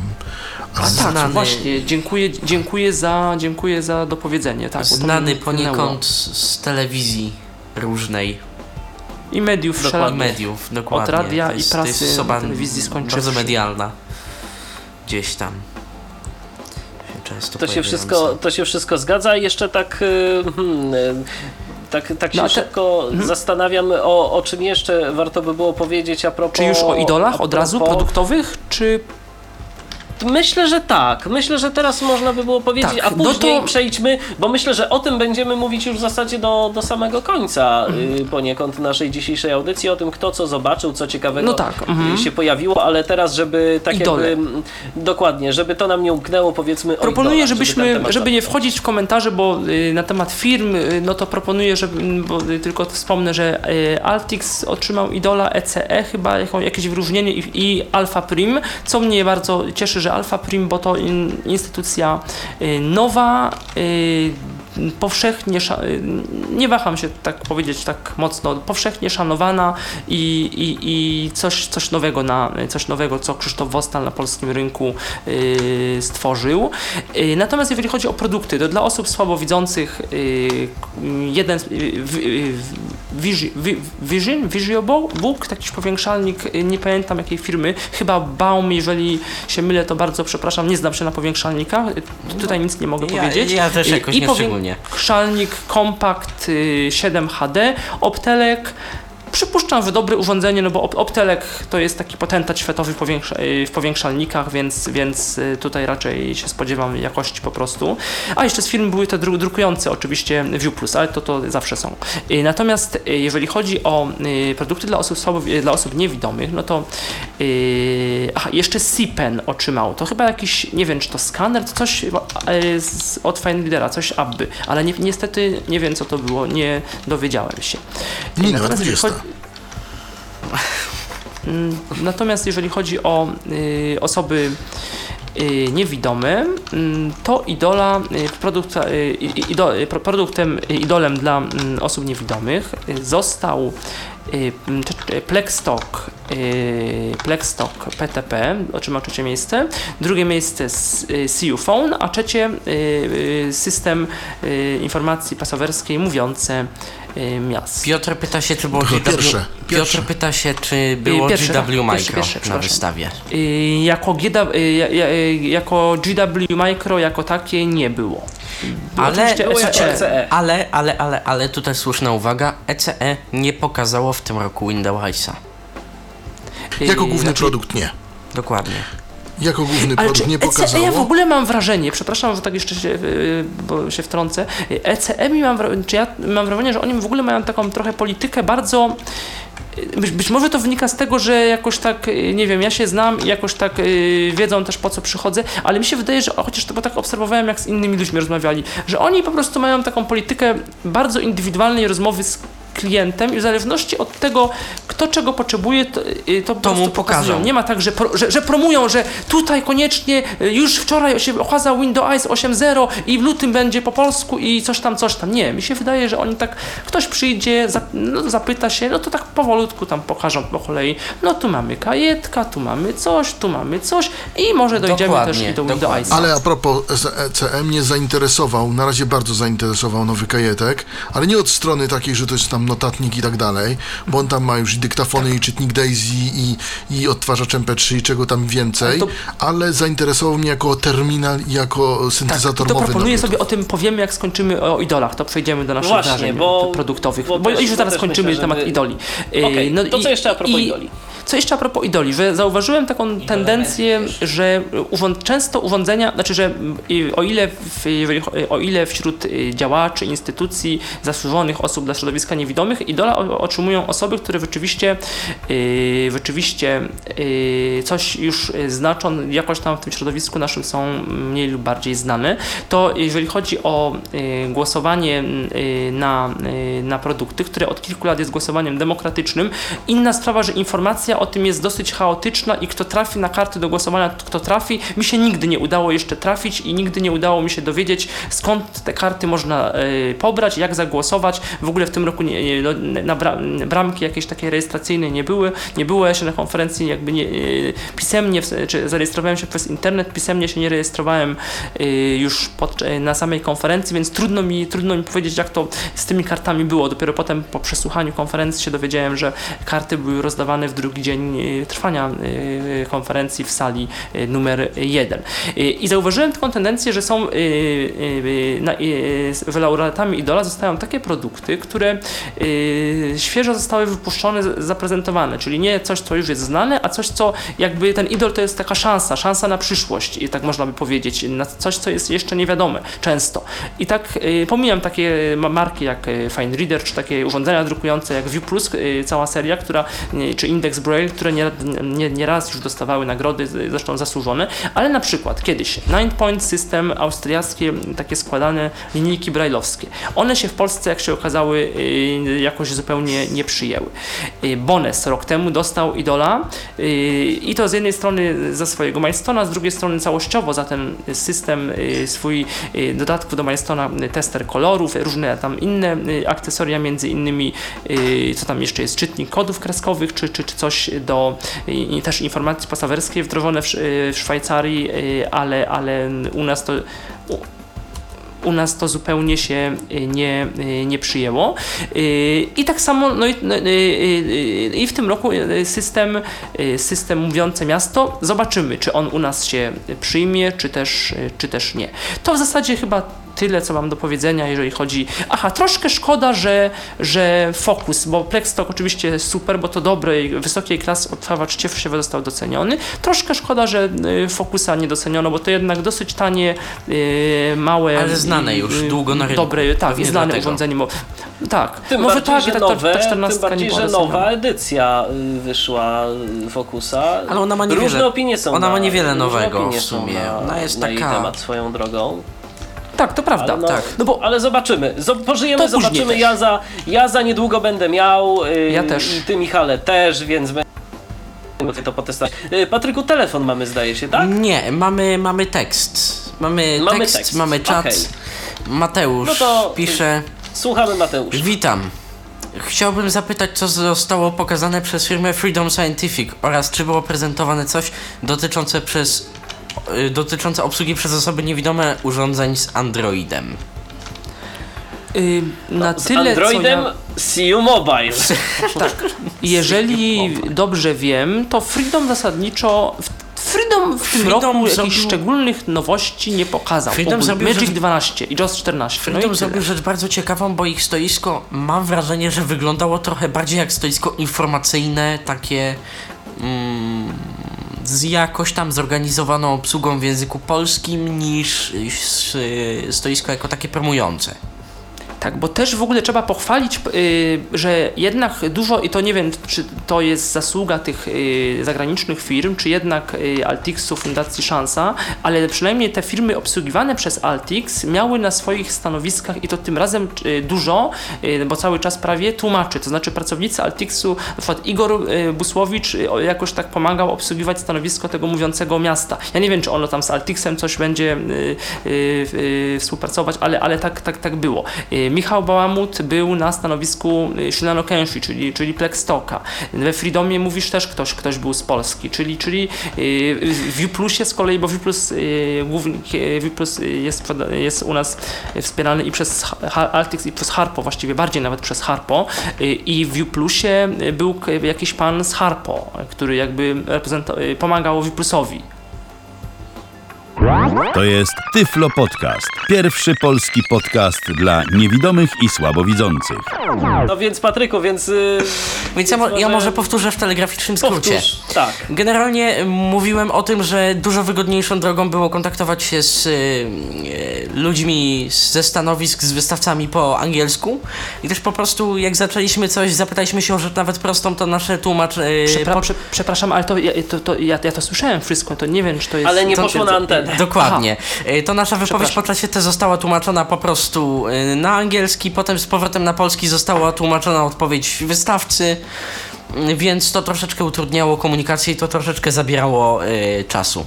Co do pana z Freedom Scientific, kontaktowałem się z przedstawicielem bodajże na Europę, panem Hansem, w tym momencie nazwiska nie pomnę który to pan definitywnie powiedział, że w dość takiej osobistej i jednakże luźnej rozmowie, że tak w zasadzie to wszystko dla wszystkich jest niemożliwe, więc syntezatory SAPI 4 na systemie 64-bitowym to nie tu i nie na razie, bo to kosztuje czasu, pieniądze, a chyba pan nie chce, żeby nasz program był droższy. Tak mniej więcej brzmiała Jeszcze. tak. Odpowiedź yy, pracownika Freedom Scientific. A jeżeli chodzi o jakieś pozostałe rzeczy, Patryku, skoro już jesteśmy przy tobie i skoro rozmawiamy, Ciekawostką- to co może- ciekawego udało ci się Ciekawostką zobaczyć na powodującą mm, u wystawie? mnie takie troszeczkę e, uśmiech, zdziwienie, zażenowanie i jednocześnie e, jednocześnie taki, taki szok, takie zdziwienie nie wiadomo czy pozytywne czy negatywne to był ten cały Easy Time, czy jak to się nazywało, czyli ten brailleowski komputer w, e, Eurobraille'a. Jak to wygląda może w ogóle E, powiedz? To jest taka linijka brajlowska z z takim śmiesznym wy, wybrzuszeniem takim. Ona jest generalnie z takiego gładkiego plastiku. Y, Nie ma to ekranu w ogóle. Po bokach mamy y, USB 2.0. Teraz nie pamiętam, czy wszystkie 2.0, czy jedno jest 3.0. Zdaje się, że wszystkie są 2.0. Mamy dysk SSD wewnątrz. Mamy 2 GHz procesor. Nie pamiętam jaki y, miałem informację. Mm, No i mamy linijkę brailleowską wewnątrz z klawiaturą, takim sześciopunktem.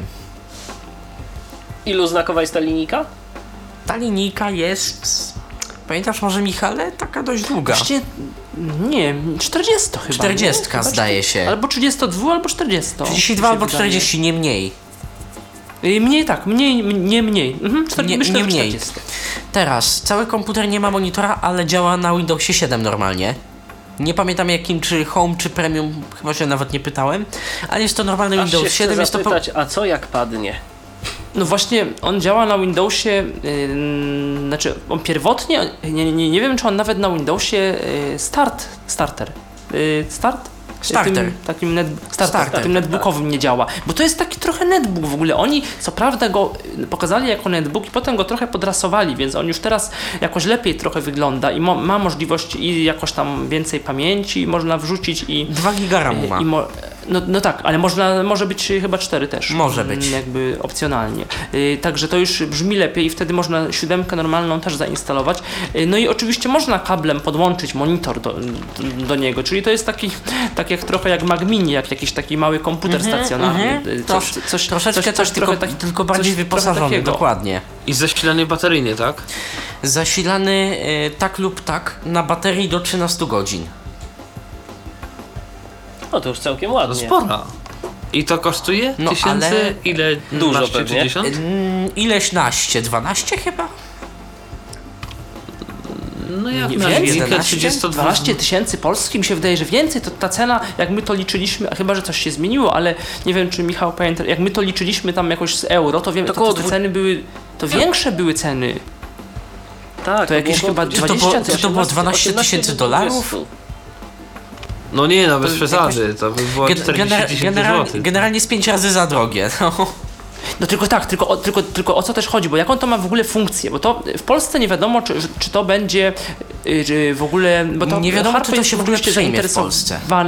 ale ma problem z y, translacją tego. A to dlaczego? Bo jaka jest w ogóle idea? To jest komputer mm, brajlowski, który ma y, być takim narzędziem edukacyjnym y, w szkole i pomoc, pomostem kolejnym pomiędzy, pomiędzy dzieckiem niewidomym, uczniem niewidomym, a, a nauczycielem, rodzicami y, i, i gdzieś tam osobami widzącymi. Bo y, ono ma też w sobie, to, poza tym, że to jest normalny komputer z Windowsem, ma jakieś oprogramowanie. Nie wiem do końca jak ono działa, czy to jest taki znowu coś jak, nie wiem, jakiś Dolphin Guide, czy coś, y, czy coś Programowanie takiego. Easy Suite. Easy Suite, pamiętam. tak. Taki, taki combine. Domyślam się, że pewnie jakoś tam udźwiękowiony samo, Coś jak, y, jakimś- coś jak Dolphin syntezą Guide, tak. który ma jakąś przeglądarkę internetową, ma jakieś e, Daisy, ma różne inne funkcje, ale to jest, y, to jest mało istotne. Y, Ma y, możliwość y, y, y, ma możliwość y, wyświetlania na ekranie y, w formie w normalnej formie, dostępnej dla osób widzących, tego, co napiszemy braillem, jeżeli chodzi o notację muzyczną i matematyczną. I problem jest z translacją tego.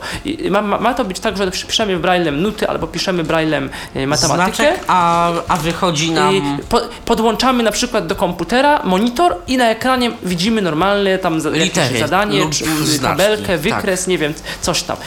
No i problem jest z tym, znowu ze standardami, z tym, że w Polsce są różne notacje. No Muzyczna jest się. akurat taka jak w Niemczech, y, z matematyczną to jest różnie, bo nie do końca w pełni tej komputerowej się używa. No i gdzieś tam A jest część, problem. To część jest, braliśmy z wiadomo, podstawy urządzenie niemieckiej, część z kogoś tam jeszcze innego podstawy, część zmieniały szkoły, ośrodki i potem to tak wyszło. Tak. I dlatego i tu jest problem. I Ja myślę, że to dla, dla, dlatego jest takie po prostu drogie głównie, że, że gdzieś tam ta, ta całe oprogramowanie i, i dlatego sobie I każą że tyle- linijka. Tyle płacić. Nawet nie, że No i oprogramowanie, oczywiście. linijka. A tak.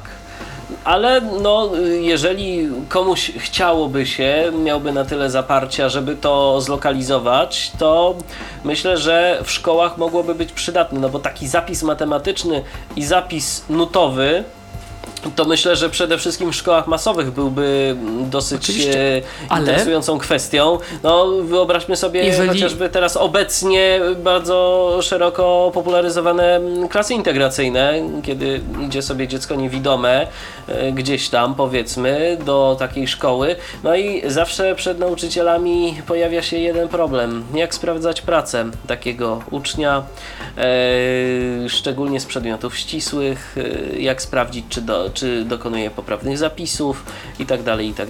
No i w tym przypadku było ułatwienie. Nie wiem, czy coś jeszcze o tym komputerze brailleowskim, bo kilka nowości, z- jeżeli chodzi o matematykę, się jeszcze i współpracę y, y, uczniów widzących i niewidomych pojawiło. Ja tylko Na jednego przykład? się zapomniałem zapytać e, odnośnie Easy Time'a. Czy na przykład tam można, czy, ten, czy ta linijeczka brailleowska pełniła funkcję monitora tak naprawdę i czy można było na przykład tam do BIOSu się dostać tego komputera przez Braille'a? Nie wiem, czy przez Braille'a. Obawiam Wątpię, się, że... ale nie wiem. Obawiam się, że nie. Z jednego prostego powodu. Ta linijka to jest coś, co ma sterowniki, co ma jakąś gdzieś tam bazę wewnątrz, ale generalnie to jest... A no jednak jaki- nie zrobili tego sprzętowo. to jest dostarczane z Pamiętacie? NVDA-em. Pamiętacie, to już kiedyś było, był taki projekt, chyba w 2011 roku albo 10, e, ale chyba 11. e, Jakaś koreańska firma coś takiego zaprezentowała na Sisanie. jak dobrze pamiętam. Yy, był taki yy, z linijką brajlowską po prostu przymocowaną gdzieś z przodu, A, tak, zintegrowane. laptop, la- Sejką, laptop z taki. Linijka, która się Sejka nazywa, to jakaś koreańska jest linijka. W Znaczy nie, bo Seika to w ogóle jest, nie, Seika to w ogóle są linijki Perkinsa, tak się nazywają. Yy, tak, ale oni. A, aha, no to okej, ale w każdym razie to jakaś koreańska firma w każdym razie yy, produkowała yy, z Korei Południowej oczywiście. Ten laptop brajlowski taki, coś było takiego, miało być. Nie wiem, czy mm, to nie jest jakieś bujanie w obłokach, natomiast nie wiem, czy oczywiście z linijkami, natomiast jeżeli teraz weszło UEFI, to czy nie będzie łatwiej zrobić czegoś gadającego, bo to UEFI jest po prostu większe. No być może.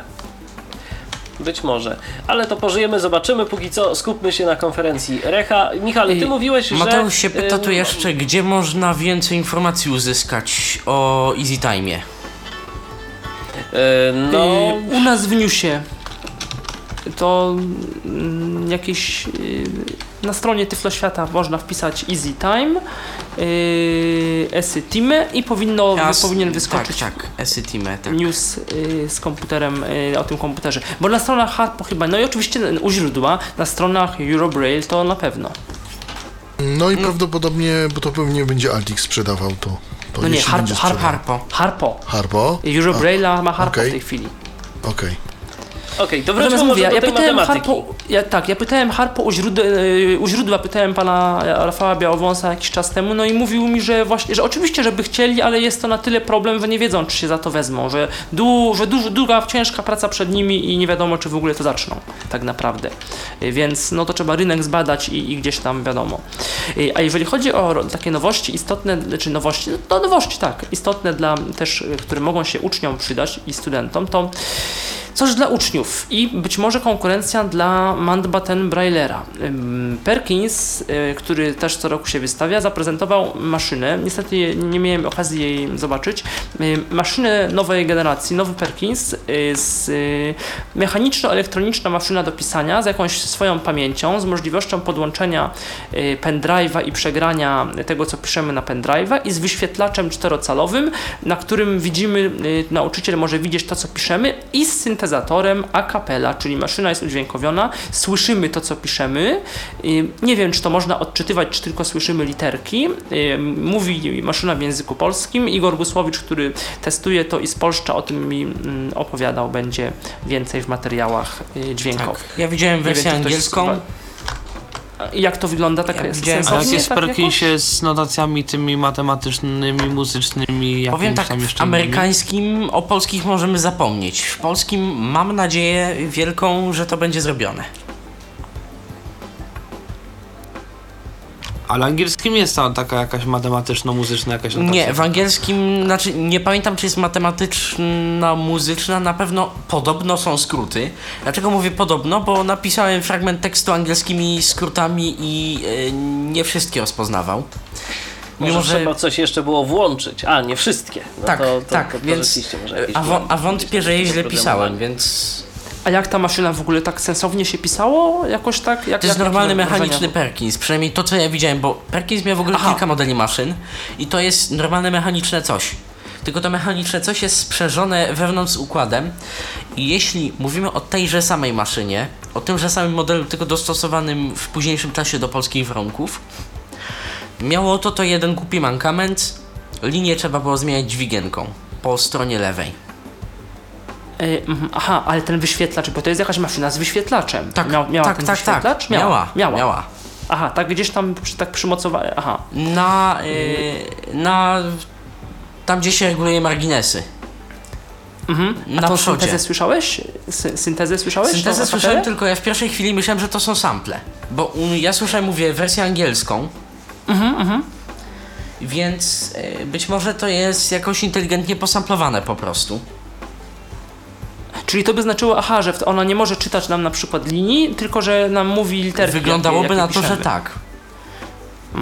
Natomiast Być może słuchajcie, jakieś, jakaś nowa wersja oprogramowania tej maszyny coś po prostu zmienia. No, pożyjemy, zobaczymy. Natomiast wracając do Easy Time jeszcze na chwilę, to ja jeszcze chciałem powiedzieć o tym, y, na, na co Patryk zwrócił moją uwagę, ale to jest fajne, o autoczytaczu. Y, bo tego nie powiedzieliście. O czujniku podczerwieni w, w tym Easy O, właśnie. został Tak. Nie jest umieszczony. Easy Time, to jest Dziękuję. Ale nie, on też ma, tak, Handytech też, ale to on ma coś jeszcze innego, to na Easy Time ma. prezentacji było. Zamiast kursor Tak. routingu ma właśnie czujnik podczerwieni. To było na to- prezentacji. Na prezentacji. Yy, Czyli Aha, dobra, coraz już więcej wiem. firm zaczyna w to iść. Bo to jakiś czas temu Niestety. W okolicy y, Side City, y, Side City y, była też, Michale, ty o tym wspominałeś, mm, o, takich rozwiązaniach. Na przykład o takich, że wykrywa koniec wiersza i No automatycznie to właśnie przewija handytechy w tym, to Mhm. handytechy generalnie w tym, w tym przodu, o, ty- o tym sobie też zaraz powiemy. Yy, A tutaj jest zamiast kursor routingu ten ta podczerwień, ale ja do końca nie o, o co w tym chodzi, że aha, że y, rękę y, bierzemy, kładziemy co, nad, y, rozumiem, nad y, danym... Śledzi to, co, y, śledzi nad to, co naszą, śledzi to, co naszą rękę, tak, i kładziemy nad komórką, to tam przywołuje kursor. A w Handytechu to się, to jest trochę inne coś, to jest ATC, się to nazywa, czy ACT, nie pamiętam, ATC zdaje się. I to jest, Tak. to jest czujnik, który y, zmienia nam, przewija nam tekst o wartość y, długości linijki, kiedy dotknie według niego y, nasz palec krawędzi linijki, czyli kiedy w domyśle przeczytaliśmy linię. Tak, a to zaraz o tym do tego przejdziemy. Jeszcze powiem tylko o tej jednej nowości, dla, e, która może się przydać e, uczniom i studentom, której jeszcze nie ma, ale e, jest w planach. Prace programistyczne już trwają. O tym też będzie w materiałach. Michał Bałamut mi opowiadał z Altixu, programista. Będzie druga wersja pakietu Euler. Jednak mówimy, bo niektórzy mówili Euler, mówi się Euler jednak. Pakiet, czyli coś, co, co kiedyś było tymi programami Braille i translator do do matematyki, do drukowania i czytania latecha y, braillem, do czytania matematyki Właśnie- i pisania.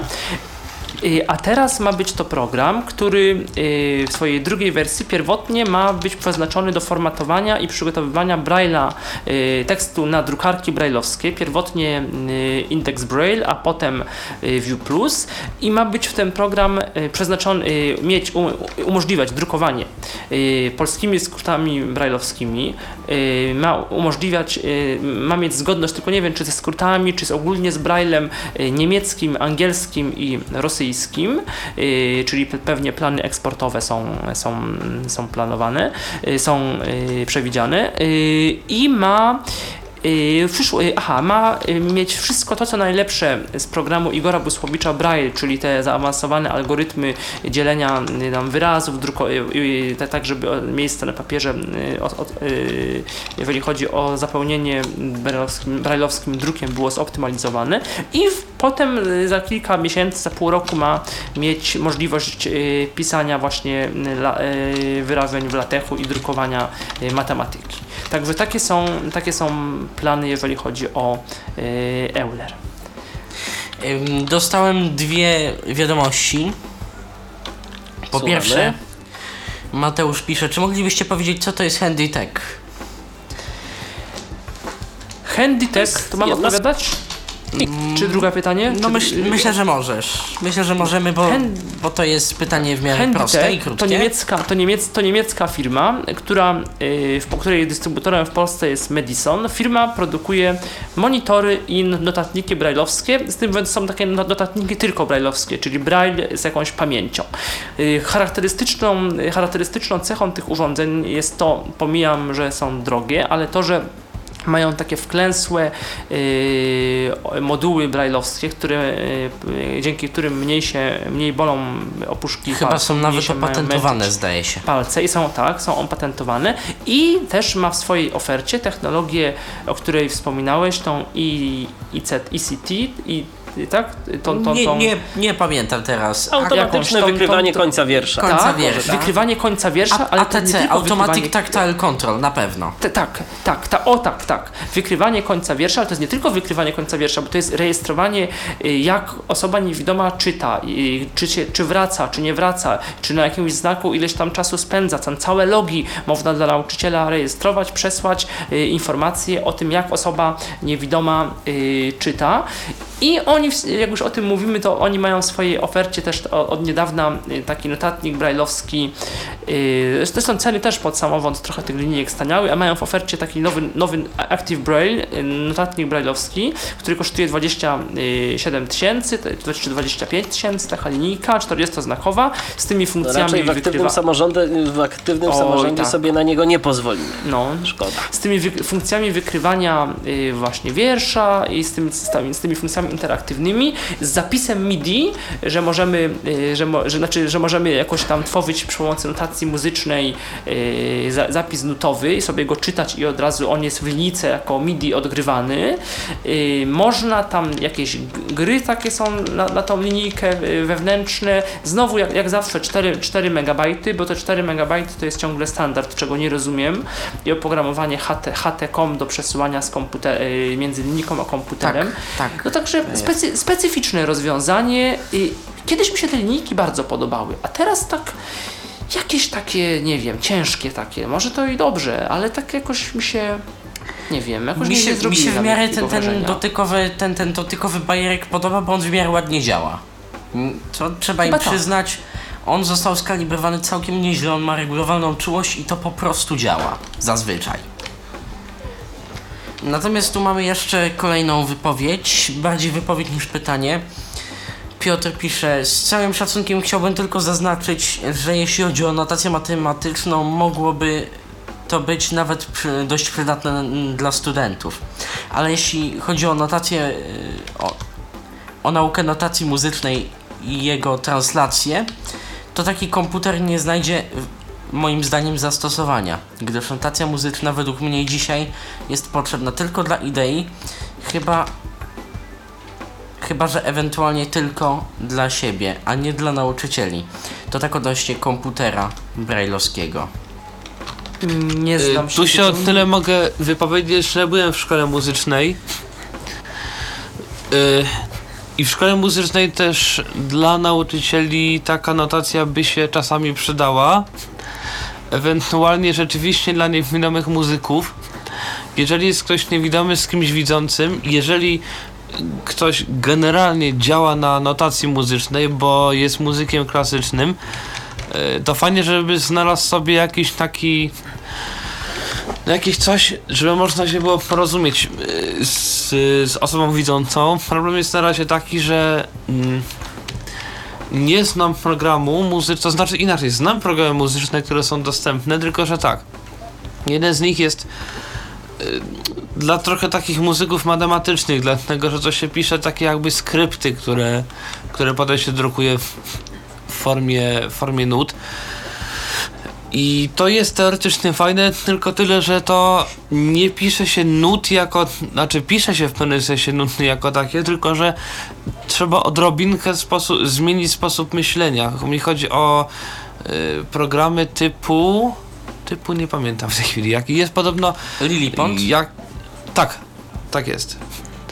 Natomiast jest jeszcze, tylko tego w ogóle nie dostawałem, bo na razie nie mam takiej potrzeby. Aczkolwiek trochę się przymierzam do tego, ponieważ znowu jakby wpadło mi dosłownie dzisiaj pod rękę z, y, zestaw skryptów do JOSa, które teoretycznie mają udźwiękowić program Sibelius, prawda? Nie że jest w, w wersji 5. Teraz jest jakaś chyba nowsza wersja z tego co pamiętam. Chociaż nie pamiętam dokładnie, dlatego że yy, To się zmieni. nie obserwuję akurat tego programu. No niemniej jednak z tego co pamiętam, piątka jest jeszcze na tyle sensowna, że jest nie jakaś straszliwie stara. Natomiast nie wiem jak to jest wszystko zrobione, nie wiem jak to jest wszystko udźwiękowione, więc może taka maszyna miałaby sens, no tylko musiałaby to być notacja taka, żeby to yy, ludzie jakoś nie wiem, no, nie wiem jak ta notacja działa, no bo pisanie nut jest dosyć skomplikowane, w związku z czym To się zgadza. czasami- nie wiem jak w czarnym druku, ale w Braille'u to powiem szczerze, że jak dla mnie no, to jest dosyć złożona kwestia. To znaczy może w ogóle jest kilka po rzeczy, prostu- które w Braille'u nie bardzo się da zapisać. Mhm, mhm. W ogóle Dobrze, w nutach, może które się w wróćmy, czarnym druku da ale może zapisać. wróćmy, może wróćmy do Rechy, yy, może wróćmy do tego, co udało nam się zobaczyć. Yy, Patryku, ty coś jeszcze ciekawego widziałeś? E, czy ja coś jeszcze ciekawego? Hmm. Tak ciężko sobie teraz przypomnieć w sumie. Dobrze, to ty może pomyśl, a w międzyczasie zagadnę o Łabęckiego. Robercie, ty Robert tak pochodziłeś przycupnął trochę? sobie cichutko. Właśnie. Tak, ja właśnie. sobie trochę pochodziłem, no i co mnie zainteresowało? Zainteresował mnie produkt kajetek, cały czas unowocześniany, ale przede wszystkim dlatego, że jest to chyba bodajże pierwszy syntezator sprzętowy na Bluetootha, jakiego mogłem zobaczyć. Mm, Mało tego ma być to unowocześnione. No, oczywiście wiadomo, że ma czytnik Daisy, że ma to MP3 i tak dalej, i tak dalej, tam różne dyktafon i tak dalej. Natomiast Natomiast y, właśnie to mnie int- zainteresowało od strony syntezy, że to będzie miało właśnie, że to, że to, że to ma już, y, jest już syntezatorem na Bluetooth, to jak ra, jest raz, a poza tym no, y, ma być w planach coś takiego, że to ma działać jako terminal i nawet będzie można coś pod Linuxem tam, y, że tak powiem, to, to jakoś pod to, pod to podpiąć. Y, Czyli można by było mieć teoretycznie sprzętowy syntezator pod Linuxa. E, Więcej może na ten temat trochę Tomecki, bo on wtedy był też podczas, podczas tej rozmowy. I To znaczy, byłem trochę. podczas rozmowy, natomiast też jakby tylko tyle wiem, że to ma być jako terminal, to ma działać, znaczy już działa poniekąd w dwie strony, to znaczy można pisać na kajetku, na komputerze i, i komputer może do kajetka w formie tekstu przesyłać na to odpowiedź, to znaczy oczywiście na razie to jest y, jakby przez Windowsa. Podobno będzie to jakoś na tyle udokumentowane, że będzie się dało jakoś generalnie współpracować z czymś, trochę mam po cichu nadzieję, że będzie się dało na przykład e, przez NVDA zrobić coś takiego, ale to zobaczymy, bo może się to okazać niestety mrzonką. No w każdym razie mm, kajetek ma port USB Master, przez który można właśnie podłączyć sobie niektóre karty Bluetooth, niektóre to znaczy takie, które są obsługiwane przez Windows C, dlatego że taki Windows jest na kajetku, najnowszym Windows C. No i przez kartę Bluetooth budowaną na USB można właśnie już w jakiejś tam wersji działać sobie jeszcze jakoś tam troszeczkę dystansu, tylko bardzo króciutko, więc nie A potrafię za jakbyście porównali wygląd nowego kajetka do starego? Bo To jest w ogóle ciekawa rzecz. To jest też ciekawa kwestia. To znaczy nowy kajetek metalowy? O taki, Nie, taki ja metalowany to- lekko. Nie. Jakby drewno Plas- jakieś było takie. Takie, W ogóle- takie, takie plastik drewniany. Takie, Tak, to jest Wiem, taki drewniany plastik Taki i mi to się sko- mi to się w ogóle czyta- ja mi bardzo też- mi to bardzo przypomina czytaka trochę, przepraszam, czyli tak nieciekawe mi się mi to wygląda. Trochę. Mi to przypomina tak, fakturę takiej, takiego kufra z początku XX wieku w pewnym sensie. Bardzo nietypowa No, faktura jak na troszkę. urządzenie Tak, elektroniczne. Tak, tak. Zupełnie Mhm. taka nietypowa, Inne chropowata, takie, tak. tylko, nie, tylko tak bardzo grubo chropowata, no taka nierówna. Jakby komuś ten plastik się tak troszeczkę niedokładnie wylał w pewnym sensie. To jest takie bardzo specyficzne. Czy mi się to podoba? Nie wiem. W sumie pff, no jest oryginalne jakoś tam. No podejrzewam, że to no nie jest to takie gładkie i w ogóle większość sprzętu takie gładkie, zaokrąglone albo, albo coś tam, to jest w ogóle jakby zupełnie inną stronę.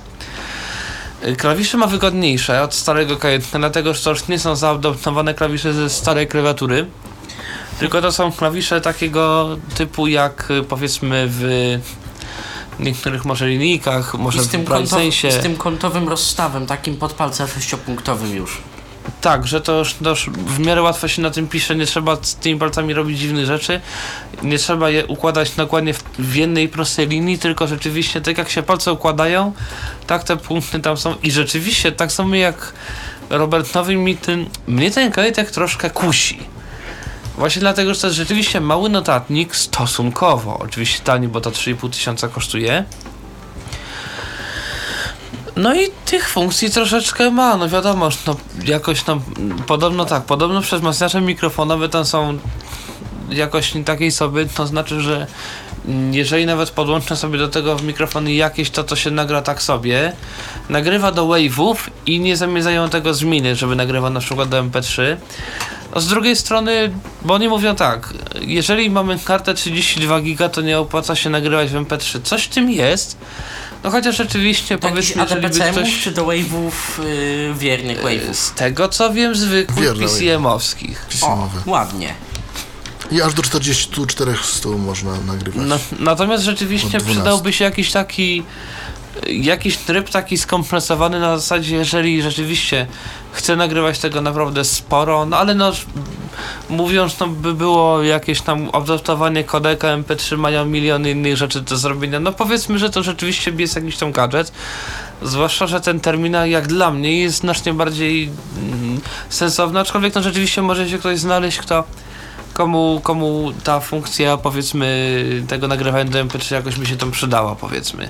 Bo Kajetek oczywiście w dalszym ciągu będzie do nas mówił głosem SMP. Lub Nie, to znaczy Nie na razie tylko. mówi, Nie, Nie tylko. tylko. na razie mówi głosem SMP, ale podobno ma to się zmienić, nie wiem jak ją się ma zmienić w związku z tym cena. Y, Tego też nie wiadomo. Ja w piątek spotkałem y, pana Łukaszewicza, na gorąco mi przykładał do ucha kajetka z mówiącego a capellą. Mówił tylko, że więcej pamięci muszą dołożyć. Pytałem o cenę, powiedział, że nie wiadomo jeszcze. Nie są ustalenia y, jeszcze pomiędzy y, a ECE poczynione, jak to, jak to się przełoży na cenę. Także będzie w kajetku, czy właściwie już technicznie jest zaimplementowana a capella, co pewnie wiele osób, nie wiem czy wiele, bo, kajetek myślę, y, on jest, będzie raczej znajdzie w swoich y, fanów y, wśród tych osób, które kiedyś już używały urządzenia, niż wśród nowych osób, przypuszczam. Y, Więc, więc gdzieś tam dla nich może tam dla zwolenników SMP ta kapela nie jest taka bardzo istotna, ale pewnie nie jednemu się przyda. No i trzeba też jeszcze wspomnieć, ja tutaj nie jestem bardzo kompetentny, może coś więcej wiecie, że kajetek ma jeszcze takie inne specjalne funkcje, których notatniki zwykle nie, właściwie nigdy nie mają, nigdy nie mają, jak y, ten to Daisy z bardzo wieloma zakładkami, czego też inne aż tak urządzenia nie mają, ale, y, ale tester kolorów i pilot do multimediów. A tak. A To jest rzecz, je- to jest rzecz pierwsza i to może być fajne, natomiast jeszcze jest Nie, to coś... To znaczy, to znaczy to wynika moim zdaniem troszeczkę z polityki firmy, która jest taka troszeczkę. To ma swoje wady i zalety, że ta polityka firmy nie jest taka powiedzmy jak, jak dzisiaj w większości firm, to znaczy ładny interfejs zupełnie frontem do klienta, zgadzać się teoretycznie przynajmniej z klientem i coś tam i tego i tak dalej i tak dalej. E, Oni tam mają jakąś swoją, swoją koncepcję, takiego trochę programisty sprzed, sprzed trochę lat, to ma oczywiście tam jakieś swoje wady, natomiast zaletą, zaletami tego jest coś takiego, że ten kajetek rzeczywiście, jeżeli ma jakąś funkcję, to ona rzadko kiedy jest jakoś bardzo ograniczana. Na przykład, jeżeli mamy kajetek, y, kalkulator w kajetku, to, w tym, to ten kalkulator jest rzeczywiście całkiem nieźle zrobiony, włącznie z tym, że można mu programować funkcje, które on ma obliczać. W związku z czym można mu robić y, od razu poniekąd na przykład jakieś tam programować wzory na obliczanie prędkości, siły, czego tam jeszcze do fizyki, chemii, nie wiadomo czemu A tak stary kajetek, czyli urządzonko z bardzo malutkim procesorkiem już miało rzeczy typu liczba pi i tak dalej, tak samo z siebie. To bez problemu, jakieś stopnie, jakieś radiany, to, to już było. Tak od razu. Tak jest. Stary kajetek. Oczy, oczywiście, no to był stary kajetek, bo to był procesorek w ogóle, nie wiem ile to on tam miał. 8 MHz chyba albo 16. W najlepszym wypadku. Mm, No właśnie. Natomiast mnie, jak mówię, najbardziej zainteresował ten terminal, ten e, syntezator sprzętowy. No bo skoro nie ma na USB, no to może na Bluetooth, a rzeczywiście, jak ktoś mi powiedział, karty na Bluetooth są tanie jak barszcz. Można do komputera dokupić za 20, za 30 zł kartę na Bluetooth, A więc propos Ja nowy tylko zastanawiam się, wiecie co, ja tylko zastanawiam się, y, jak będzie ze stabilnością takiego połączenia. Mam trochę obawy, y, że może z tym y, być różnie, szczególnie w takim przypadku, kiedy nam się to połączenie zerwie. Ja tu jestem trochę mm, tak nie do końca optymistycznie nastawiony do Jeśli- tego, ale znaczy może się powiem- mylę. Inaczej, Może jeśli- się mylę. Znaczy powiem tak, z tego co wiem, linijki na Bluetoothie działają, one też wysyłają do komputera, więc to może być to samo, a one z tego co wiem jakoś działają. I tu jest różnie, Tomecki. I tu jest różnie, bo kwestia jest. No e, właśnie. Michałowi chodzi o zachowanie. Nie, że zgubi jeden komunikat i nie wyśle, bo to, to jest coś w Tylko- rodzaju TCP i on ponowi. Tylko co jeśli się na pół sekundy definitywnie rozłączy? Niektóre linijki Właśnie. wysyłają ciągle połącz pan, połącz pan, połącz pan. Działa. Niektóre Tego mówią, nie wiem. dupsko, rozłączyło się i tyle. Natomiast jeżeli chodzi o support własnych urządzeń, urządzeń, to na szczęście ECE z reguły działa dobrze, no niestety nie ze wszystkimi urządzeniami i programami, Szczególnie jest. programami. Szczególnie programami właśnie, Bo urządzeniami to. bo urządzenia nie to narzekam. rzeczywiście... Dokładnie. Tak, urządzenie to nie narzekam. Znaczy inaczej. Z łączeniem takich ewidentnych bugów, które są bugami po prostu, no bo y, jeżeli, jeżeli, jeżeli ch- jeżeli jakiś nowy, nowy future jakiś tam byśmy chcieli, to, to też to tak jest bardzo z tym różnie. Natomiast rzeczywiście, czy jakaś pomoc techniczna, czy, czy coś, to, to jest to rzeczywiście jakoś tam w miarę Mamy pytanie chodzi. na Skype'ie kolejne. Słuchamy. Czy firma Apple pokazała coś ciekawego i nowego? Nie, Apple w ogóle był? przynajmniej na konferencji Recha. Dokładnie. Firmy Apple z nami na Drodzy resze słuchacze, nie było. Drodzy Ale było słuchacze, coś no- jak Variohony. Czyli ta klawiatura, no taki interfejs pod y, brailleowski pod iPhone. iPhone'a, tak, i to jest też ciekawostka, o której Michał chyba nie powiedział. To ja będę miał to też jeszcze może, ciekawostkę, może dopowiem, kajetka. żeby, jeżeli ktoś iPhone. nie wie, firma... y, Mm, iPhone i iPad i generalnie i-urządzenia wszelakie stosunkowo często, tak samo zresztą jak wątek NVDA jako darmowego screenreadera, pojawiały się w kontekście na przykład właśnie monitorów brailleowskich. Tak, Od razu tak. przy każdym opisie monitora co większego i z Bluetoothem od razu była wzmianka wręcz recytowana będzie działać z iPhone'em, iPadem i twoim NVDA. urządzeniem i z NVDA przy dużej większości. Dokładnie. Bo ostatnio te urządzenia stają się coraz bardziej popularne, a co do jeszcze co do uczestnictwa firmy Apple no, na konferencji Recha, no nie, no to, to nie jest konferencja tego rzędu. Apple w ogóle Apple nie ma- chciał pokazać i w ogóle Apple ma taką politykę, że oni się oni organizują swoje konferencje. Tylko i wyłącznie. I tam się promują, oni nie lubią y, pokazywać się mm, tam, gdzie jest konkurencja. Co więcej, nie ma czegoś takiego w ogóle jak polski oddział firmy y, Apple jako taki. Jeszcze przynajmniej. Y, tak, Także, no, także, także, także Apple nie. E, e, Apple e, e, e, oczywiście, mm, A oczywiście co z tą klawiaturą, No- o której wspomniałeś? Właśnie, o, co, o Natomiast- co chodzi? Bo ja, ja nie zrozumiałem tego właśnie. Też. Nie wiem. No to Tak, Patryk że, o jakiejś Nie, klawiaturze to, ktoś. to Robert mówił. A, okej. Robercie? Coś, coś od Vario, ale ja na to akurat nie zwróciłem uwagi widocznie. Już mówię, to jest taki interfejs, który obsługuje iPhone'a i to, co on wyświetla, jest, pokazy jest pokazywane na Braille'a i na przykład, bo, bo nie każdy lubi y, te dotykowe sprawy, y, no to to zrobiono taki Variohony i to zro zrobiono właśnie coś takiego, że jeżeli nie lubisz tych Ale dotykowych co to jest ekranu, linijka brajlowska? Ale to jest, to jest taka jakby li linijka z klawiaturą, y, Ale to jest też takie małe jak 12-calowej, iPhone. o, mówimy o tej 12-calowej linijce, tej takiej... 12 Ja nie wiem, czy to ma 12 cali, czy to ma 12 znaków, bo ja tego nie liczyłem, ale to jest małe jak 12 iPhone.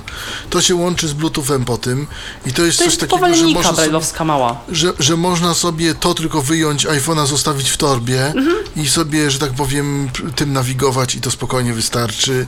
Tak, ale I To jest, no dla tych, co tak mniej są obeznani Tylko, że y, ma, tak, znaczy nie, oczywiście ja tego nie kwestionuję, to jest oczy, oczywiście racja, tylko że to, ta linijka, y, znaczy po, pierwsze to umożliwia każda linijka jakby, bo to jest funkcja iOS-a, że on z tymi bluetoothami, z tymi nowoczesnymi linijkami ze znaczną większością działa, natomiast ta linijka Baum 12-znakowa, którą ECE promuje, y, no pewnie jest fajna jak cały Baum, porządna, no ale 12-znakowa linijka kosztuje ponad 10 tysięcy 10 złotych. tysięcy, dokładnie. Ponad Natomiast chyba. jeszcze chciałem Także powiedzieć drogo. a propos, a propos kajetka, że w momencie, kiedy będzie terminalem, to podobno ma również komunikować się jako klawiatura przynajmniej z systemem Android.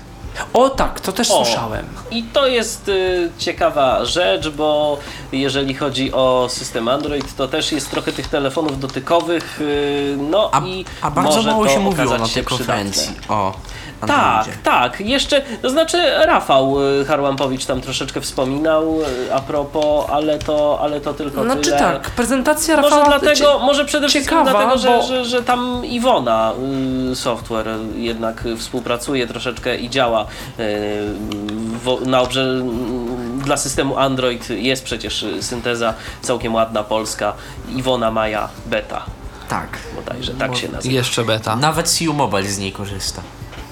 No właśnie.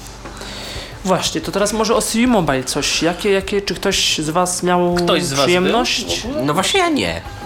Ja, ja się przyznaję bez bicia, Ja ja, właśnie nie byłem. w pewnym sensie chciałem tam pójść, ale po prostu już byłem taki śnięty, zwłaszcza na tym pierwszym dniu, że jakoś... No to Ja byłem, jak, jak, jak, e, jak już mówiłem, miałem przyjemność rozmawiać e, z Marcinem Zielińskim, e, osobą słabowidzącą, która dla firmy Human pracuje. E, I nawet w materiale, który nagrałem, jakaś tam demonstracja tego telefonu będzie. No, jakoś to działa, jakoś to działa.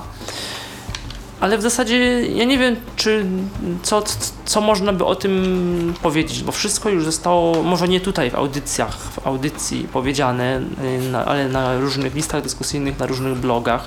I no właściwie nie wiem, co można powiedzieć. Jakie są w ogóle, więcej o- Michale, twoje wrażenia? Tak jak do, dostałeś ten telefon do ręki, yy, no i miałeś możliwość się nim chwilę pobawić. No i co? No to są takie wrażenia, że, mm, że, że był duży hałas i że byłem zmęczony i musiałbym się bardzo skupić, żeby. Oczywiście, nie, mówię oczywiście, bo ja nie jestem w tym dobry i nie udało mi się z, za bardzo z, ni- nic z nim zrobić, ale, y, ale biorę pod uwagę to, że naprawdę w tym jestem słaby i po prostu musiałbym się. Ten, zresztą ten Marcin No mówił, tak, ale że to trzeba, teorety- trzeba się dokładnie ale to te- nauczyć.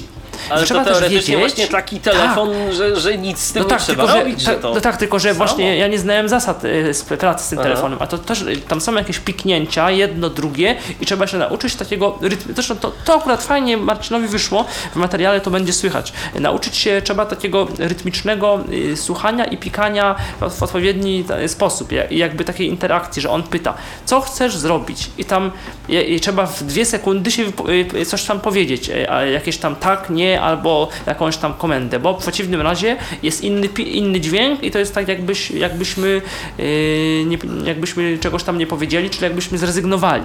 Tak trochę jak w automatach, takich yy, yy, serwisach yy, automatycznej obsługi klienta bankowych albo w biurach yy, obsługi yy, telefonicznych. Coś, coś takiego, tylko że korzystamy ze sterowania głosowego po jakimś tam sygnale i trochę się musimy spieszyć i mu- musimy mówić raczej ryt, rytmicznie, tak? Natomiast to, to co pokazywał y, Marcin, czyli wysłanie SMS-a, sprawdzenie pogody, no działa. Działa. Ja pytałem, jak internet, jak na przykład strony internetowe. No to to jest raczej takie odczytywanie stron po, y, poszczególnych informacji, a nie taka pełna, jakaś taka pełna, pełna interakcja. Wy sobie, nie wiem, wylistujemy nagłówki, przeczytamy akapit, albo może słowo przeliterujemy. No chyba, że ten interfejs dotykowy jeszcze y, zostanie wprowadzony. Także no ja myślę, że oni powoli sobie zdają sprawę, że osoby niewidome nie są tylko takie atechniczne, jak oni, jak oni myśleli, albo że nie są to tylko osoby, y, osoby starsze i do tego y, mało zaawansowane technicznie. Oni sobie z tego zdają sprawę, ale myślę, że i powoli będą, przypuszczam, kierować ofertę właśnie może dla seniorów, dla seniorów nie, i zarazem osób niewidomych, może dla osób nie, z niesprawnymi dłońmi, nie wiem. Natomiast na pewno gdzieś tam widzą, że to nie jest tak sobie jak, y, że to nie jest tak proste, jak sobie Marcin Łapa gdzieś tam y, wymyślił. No i No wiem, że zobaczymy. kilkanaście osób y, kupiło, kilkanaście osób jak do tej pory y, kupiło telefon. To znaczy kupiło y, nie w trakcie konferencji Recha, Y, tylko w ogóle. Z tego co zrozumiałem, to w ogóle. W ogóle. A ilu użytkowników ma sieć sama? Podejrzewam, że, podejrzewam, że mniejszą ilość, no bo te ich oferty to są takie, no w porównaniu do reszty, to, to średnio korzystne. Chyba, że z asystenta ktoś namiętnie korzysta. To wtedy rzeczywiście może się opłacać.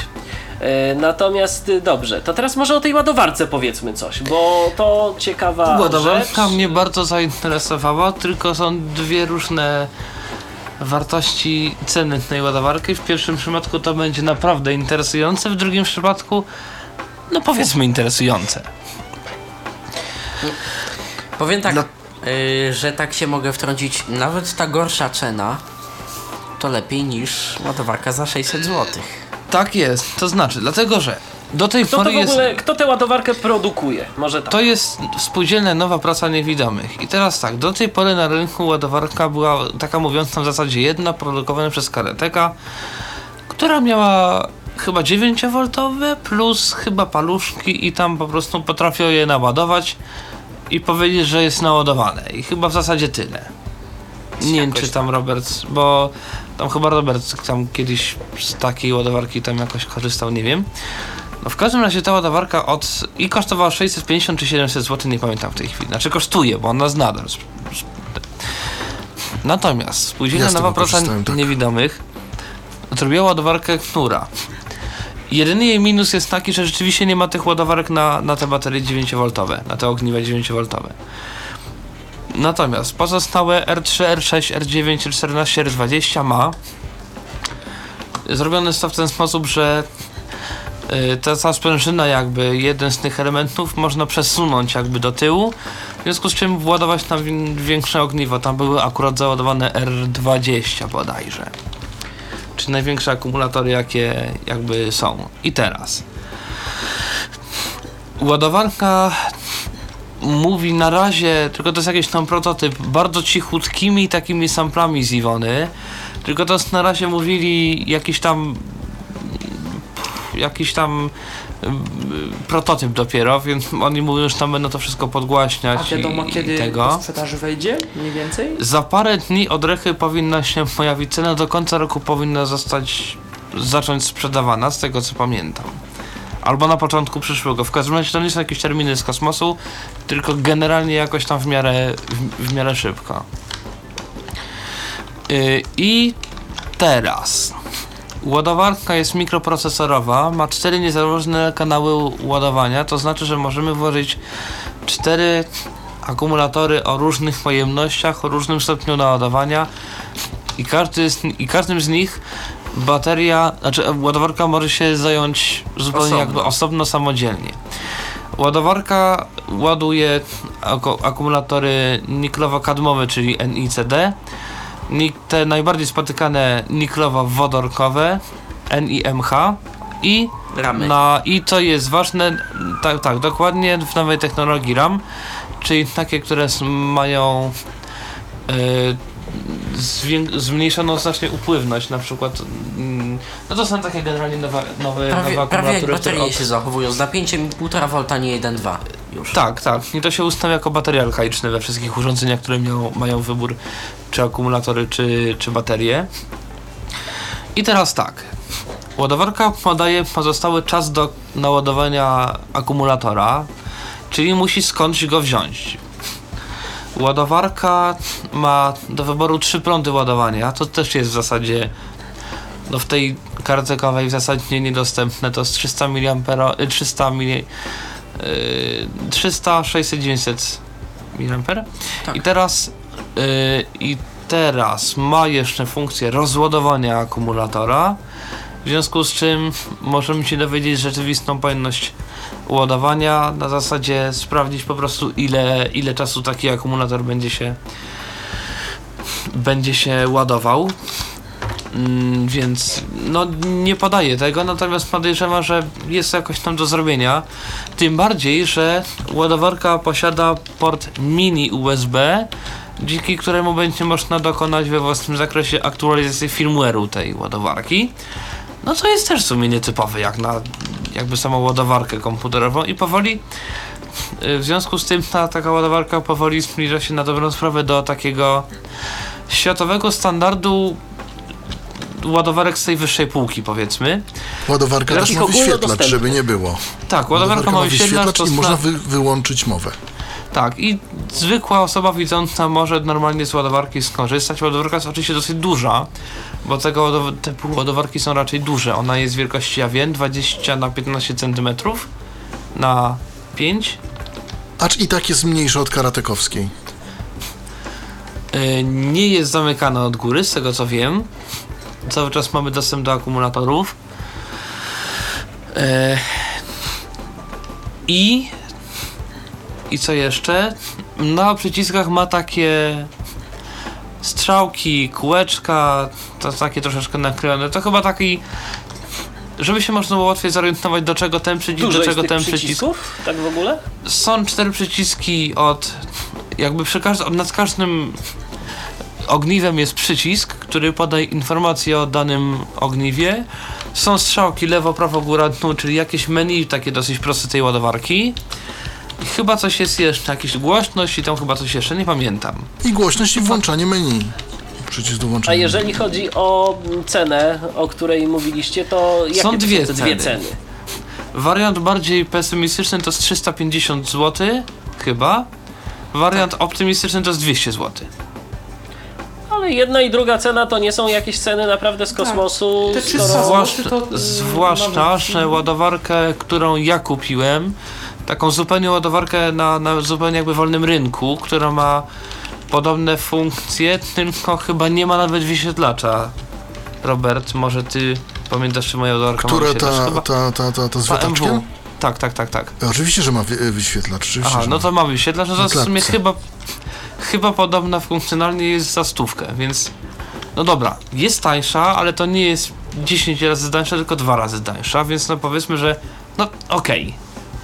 Da się to jeszcze przeżyć. A jeżeli y, urządzenie będzie naprawdę dobre, to ma szansę wejść na rynek masowy, bo, no bo to też o to trochę chodzi, że mm, Tak, naprawdę te że naj- urządzenia dla niewidomych są dlatego tak drogie, bo producent wie, że on tego dużo nie sprzeda. Tak, natomiast rzeczywiście te takie najdroższe ładowarki, tylko że one już mają rzeczywiście te R9, tam tych prądów ładowania jest znacznie więcej. Tam pewnie jest tych funkcji, rzeczywiście też te, te ceny sięgają 200 zł powiedzmy. Yy, Więc no trochę z jednej strony wątpię, że to się uda wprowadzić aż tak na rynek masowy, niemniej jednak nie jest to tak niemożliwe jak w przypadku tej ładowarki od Kareteka. Zwłaszcza przy tym tańszym wariancie, to jest raz. Jeszcze taka ciekawostka, że podobno będzie się dało tam nagrać własne sample, w związku z czym na przykład można by tą ładowarkę wyeksportować gdzieś tam za granicę, jeżeli by na przykład było tych sampli ileś w różnych językach. Dokładnie. I to Ale być każdy może, będzie mógł być sobie może z jakieś tam czasem własne próbki własnym sumptem tam ktoś coś. będzie mm, coś takiego nagrywał. Może na przykład za jakiś czas na stronach i na stronie internetowej y, producenta będą jakieś takie najciekawsze banki, które będzie sobie można wgrać. No to już to już ułańska fantazja zarówno producenta i użytkowników tego urządzenia, m, Także to które jeszcze- się pojawi. Jeżeli ktoś jest w, powiedzmy w Warszawie tudzież w jej okolicach, bo było niestety tylko w pierwszym dniu Centrum Nauki Kopernik, które miało, które prezentowało jakby fragmenty, można powiedzieć, czyli niektóre eksponaty z takiej wystawy Wszystko gra. To jest taka wystawa pod tytułem, znaczy to jest taka wystawa, która opisuje, znaczy która opisuje, z której można się co, jakie instrumenty i jakie generalnie, jakie nietypowe rzeczy, które wydają dźwięk, można zrobić z codziennych sprzętów domowych, typu słomka, typu taka sprężyna metalowa, taka do, do mm, trochę do zabawy, trochę do czegoś takiego, takie nie wiem czy wiecie, są takie sprężyny, które mają 5 na 5 cm, one, one są bardzo luźno złożone, że je można rozwinąć na kilkumetrowy taki Tak, takie plastikowe. tylko to jest akurat metalowe, bo to chodzi, żeby było metalowe. No i generalnie kilka, jakaś taka rura, która tam się kręci. No ileś jest tam różnych takich rzeczy, które, z których jakby można po odpowiednim tego zmodyfikowaniu wydobyć dźwięk, jak się robi telefony z karto z kubków, jak ma zasady działania trochę rezonatorów i tam ileś podobno jest jeszcze więcej rzeczy. Jak ktoś lubi powiedzmy jakieś ciekawostki na temat dźwięku, to bardzo to polecam, bo rzeczywiście jest kilka rzeczy yy, ciekawych, jak zrobić trąbkę ze słomki, takiej zwykłej. W Jest wystawa w. Centrum Nauki Kopernik, nazywa się Wszystko gra, do końca marca trwa. Tak, do końca marca Jak trwa i można to sobie warto. obejrzeć. Tak. Czy coś jeszcze z takich rzeczy, które zobaczyliście i które gdzieś tam wam w głowach Chyba utkwiły? nie. Przynajmniej u mnie. Tak na, Michale, na chwilę obecną. Y, No tak, z takich jeszcze y, nowinek można wspomnieć o Plexstockach, to znaczy y, może nie tyle nowinek, bo to nie są urządzenia. Y, W zeszłym roku mówiliśmy y, o tym, że Plexstock PTP się pojawi w polskiej wersji językowej i to już się stało. Od kwietnia on jest dostępny, także jednak coś, co długo było niemożliwe, y, inwestycje odpowiednio zostało, zostały poczynione i Plexstocka, jeden z najlepszych odtwarzaczy Daisy i różnych książek na świecie e, Plexstocka mamy w Polsce dostępnego. Ja byłem ciekawy, jak wygląda ten Plexstock e, nowy, Plexstock Pocket Linio. E, Linio to jest taka seria Plexstocków e, z, z odtwarzaniem streamowanego Daisy z bibliotek. I ten Plexstock, bo tam jest napisane, że niby jakaś lepsza klawiatura, bardziej wam wodoodporna, coś. E, On wygląda dokładnie tak samo, hardware ma w zasadzie taki sam, poza tym, że ma więcej pamięci e, RAM i ma 8 GB pamięci wbudowanej, czego, bo Plexstock zwykły y, w ogóle ma tylko jakąś bardzo małą pamięć wbudowaną do tekstowych notatek.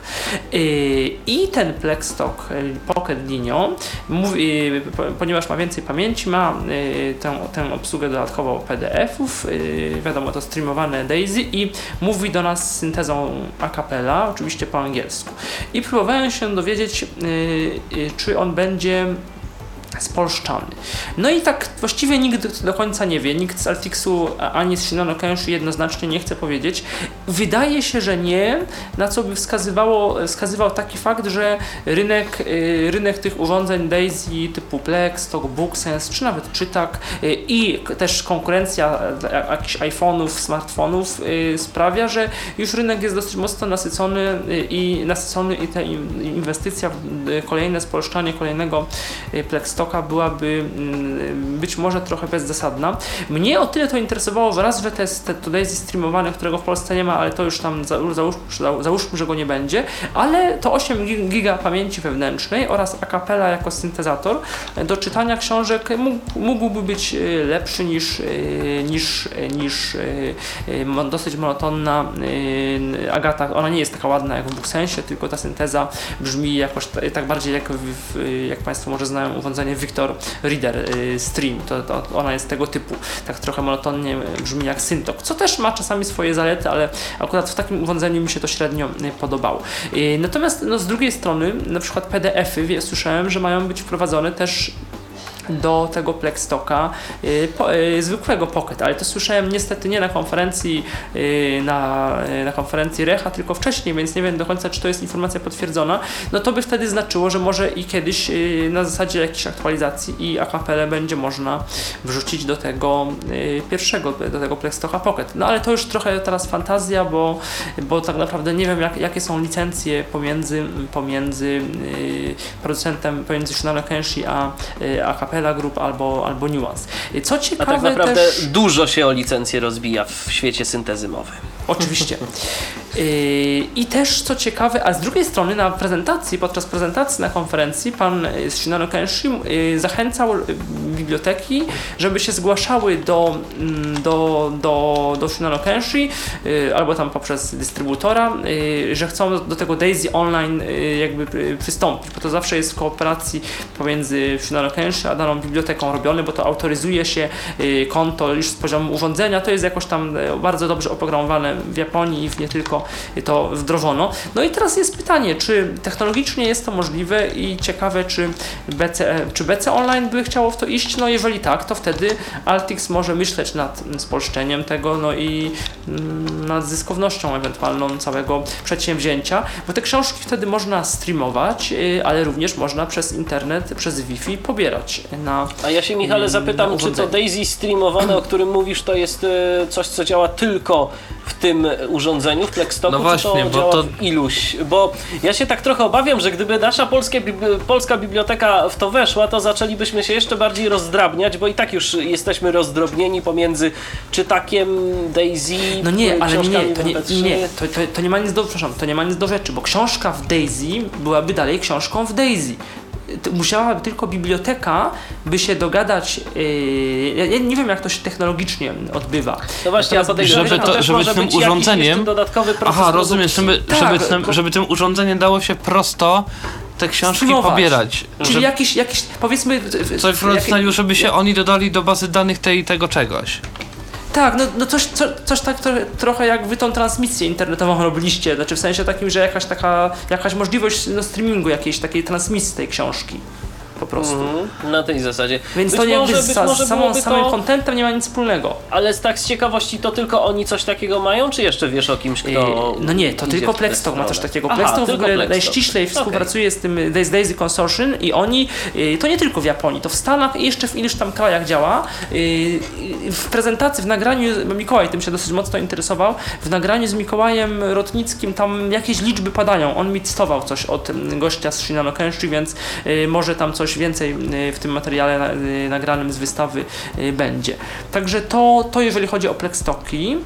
Y, Myślę, że wypada, to już tak pokrótce wspomnieć o, y, no bo owszem, hucznie już się teraz, jest tyle ciekawych różnych rzeczy, że hucznie się nie obchodzi nowych wersji y, powstania, nowy, nowych wersji, wypuszczania nowych wersji programów udźwiękawiających ekran, no ale mieliśmy w środę premierę Windowsa 8.0, a w ma, kilka tygodni wcześniej, w październiku, listopadzie, w październiku chyba, JOSa 14. No i te programy, mm, wiadomo, nie każdemu są potrzebne, ale, ciąg, ale, ale się rozwijają. JOS 14 to są nowe głosy y, Vocalizer, y, o wiele bardziej responsywne. Y, Tak samo Windows 8, żeby nie było. tak, tak samo Windows 8 też to ma, tylko właśnie nie wiem, czy nie, tam nie zauważyłem języka polskiego w tych głosach. Czy, czy, czy jest?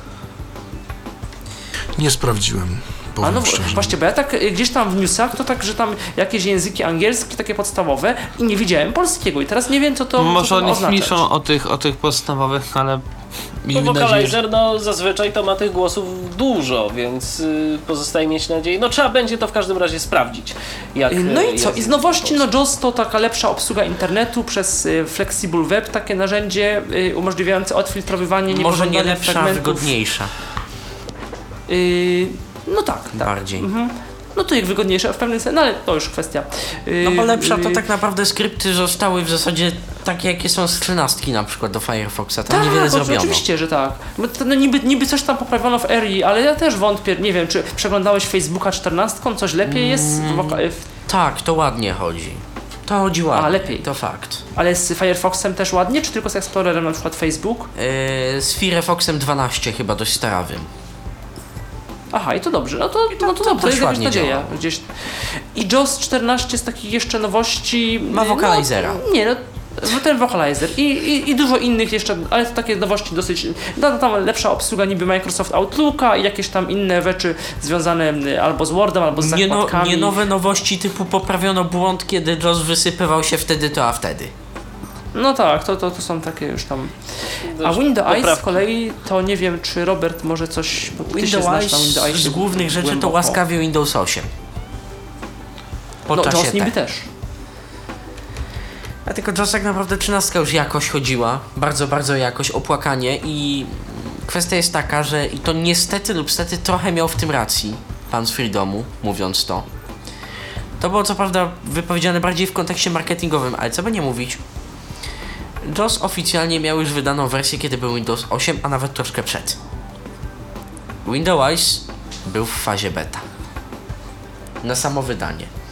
Mimo, że marketingowo, oczywiście Windows, Windows zawsze y, ma taką politykę marketingową, że oni jako pierwsi, że coś tam z Microsoftem i też już przecież w Blanku Techu był dawno podcast, że Windows Tak, z Windowsem dokładnie, 8, to już chyba czas temu prawie rok temu pokazane. było. Mhm. Więc oni, oni to, to jest też cie- taka ciekawostka, że oni zawsze gdzieś tam, jak jakiś nowy Office czy nowy Windows, to zawsze, że Windows niby pierwszy na świecie, coś tam... y, Czy nie, no bo- i z Vistą tak było, że on lepiej działał jest- chyba, jako Bo pierwszy. problem jest troszeczkę taki, że tu się sprowadzając to wszystko do matematyki, tu jest inna krzywa. Windows, kiedy cośkolwiek zacznie i jakoś to działa, tak w zasadzie podstawy, oni już powiedzą, że to jest obsługiwane, ale oni będą to udoskonalać i wyjdzie 15 upgrade'ów po drodze. W JOSie to może nawet długo nie działać, ale wyjdzie jedna wersja, dwie i oni to zrobią. Też troszeczkę jakoś, to będzie takie trochę nieopierzone, ale to będzie pełne w jakimś tam stopniu. I tym się, tym się troszeczkę różnią, że Windows zacznie mówić bardzo wcześnie, zrobi systematycznie i powoli. JOS nie będzie nim mówił nic, ewentualnie mówi, że już wkrótce rewolucja. No, rewolucja nie zawsze jest rewolucją, ale po czasie te po prostu zaczyna działać i, i tyle, wychodzi wersja. I tym się, tym się różnią w e, deweloperowaniu gdzieś tam między sobą. Kwestia polityki rozwoju Dokładnie. danej aplikacji. Dobrze, słuchajcie, tak y, myślę, że tytułem podsumowania tej naszej dzisiejszej audycji e, wasze jakieś takie zdania podsumowujące Rechę. Podobało się, nie podobało, warto Waszym zdaniem może tym razem zacznijmy od Roberta, bo Robert znowu Cicho siedzi tak znowuż. ucichł. Powiem tak, Robercie? nowe doświadczenia to te nasze, mm, naszej trójki, to są nowe doświadczenia i i warto było ze względu na, na te nowe doświadczenia, tak? Natomiast na pewno my inaczej to widzimy, jako ci, którzy robili transmisję od tych, od tych oglądających, tak? To jednak było troszkę inaczej. I i ja, ja uważam, że co prawda zmęczeni, ale, ale y, nabycie pewnych doświadczeń. Natomiast y, ci, którzy oglądali, wiem, tu mam, tu mam zagwozdkę, tak? Bo, bo, bo No, ja znam opinię, że, tak, że to była najlepsza transmisja internetowa, jaka, jaka była w ogóle. Także ja, ja, To ja, tylko się z tego mm, cieszyć. Ja myślę, że no, czy kilka takich głosów słyszałem. Ja nie mam powodu y, tym głosom nie wierzyć i, no i chciałem też podziękować bardzo za, za, za transmisję. Ale ja już na- ja już na się początku nie, mówiłem, nie że- zrywały, wszystko działało. No to tak, tak powinno być, tak powinno być po prostu i tak było. Ja już na początku pół żartem, pół serio mówiłem, że Tyflo Podcast nie musiał nawet oglądać wystawy, bo Tyflo Podcast to jest klasa sama w sobie. Szkoda, że nie mogliśmy wystreamować wam filmów, z Filmów audiodeskrypcją i happy endu w koncertów. filmach. Właśnie, a czy byli, jak koncert? Koncertów ja, niestety, też. ja nie byłem na koncercie, niestety wtedy Ja w też nie byłem właśnie akurat, z Łukaszewiczem rozmawiałem. może Podobno Ja całkiem byłem- Podobno ja koncert całkiem wyszedł. y, Śpiew y, z pół playbacku, czyli Mietek oczywiście śpiewał, natomiast jakieś tam dodatkowe chórki i podobne rzeczy gdzieś tam leciały sobie z, Sobie z- z, z podkładu, Stasiemki? z Tak. tasiemki czy jakiegoś innego urządzenia, no ale tak generalnie, jak dla mnie, to takie bardzo subiektywne odczucie, jak dla mnie y, ta muzyka była y, za głośno po prostu. Ta, zwykle, y, tak ta ściana dźwięku, ta ściana dźwięku na mnie po prostu napierała. Myślałem, że mm, no chyba, że ja po prostu takie ucho, a nie inne. Eee, ale myślałem, że ktoś e, troszeczkę o to też zadba gdzieś tam, bo od tej Tym bardziej, że strony to realizacyjnej, jest bo, no bo osoby niewidome jednak e, troszeczkę inaczej odbierają, tak myślę, e, ten dźwięk. Ja, ja osobiście nie wiem, czy wy też tak macie, ale ja się na przykład w hałasie bardzo gubię. Ja, ja nie lubię Ja hałasu. też. No to jest naturalne, myślę. To powiem tak, że na normalnych koncertach jest tego, jego jeszcze więcej, tego No Jeszcze tak, głośno, tak, było tak, niestety. Dokładnie. Tylko, że o No, tyle to także- ciekawe, bo Szczecinek no to nie jest piosenka rockowy jakiś, więc to tak powinno być. No tylko, że to chyba nie ma znaczenia. Koncerty są głośne i tak jest. Nie wiem do końca Koncerty są dlaczego głośne tak i generalnie sposób myślenia realizatorów koncertowych jest taki po prostu, że to ma być jednak dosyć głośno. To ma jakieś tam swoje wytłumaczenia i tak. Tomku, to skoro już zabrałeś głos, to słów kilka od ciebie poprosimy tytułem podsumowania. Znaczy Fajnie tak, ja było? w ogóle na, na Recha for the Blind byłem razy dwa chyba głównie dlatego, że ja generalnie jestem z Warszawy i w zasadzie z większością sprzętu mogę się zapoznać tak czy tak gdzieś w jakichś tam sklepach, no bo ja mam i blisko Altix, i ECE, i Lumen, no dobra, nie mam blisko powiedzmy jakiegoś tam y, Madisonu czy innego takiego, no niemniej jednak jakoś ja osobiście jako ja nie odczuwam jakiejś tam takiej y, potrzeby na konferencja, to dla mnie to też tam akurat niewiele daje, bo w zasadzie te, kon, te wszystkie wykłady to trwają po 10 minut, to tam niewiele się da powiedzieć o czymkolwiek w zasadzie.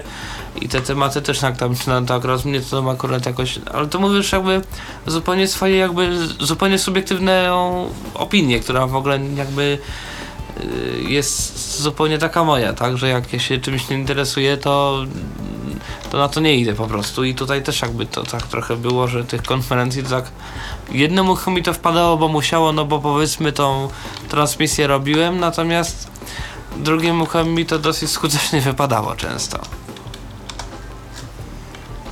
Natomiast no, co do wystawy, no to no to mówię, no sprzęt widziałem, no powiedzmy rzeczywiście jest to zabrane jakoś tam w jednym miejscu, okej. Czasami z jakimiś tam firmami można sobie niektórymi przynajmniej porozmawiać, yy, gdzieś tam podyskutować sobie z kilkoma osobami, ja to czasem tak lubię, yy, aczkolwiek niewiele z tego wynika, to nie dziwne akurat. Yy, no co, no to ładowarkę zobaczyłem, chociaż prawdopodobnie yy, znając życie pewnie gdzieś tam i tak na listach ta ładowarka by się gdzieś tam pojawiła, przynajmniej opis tej ładowarki.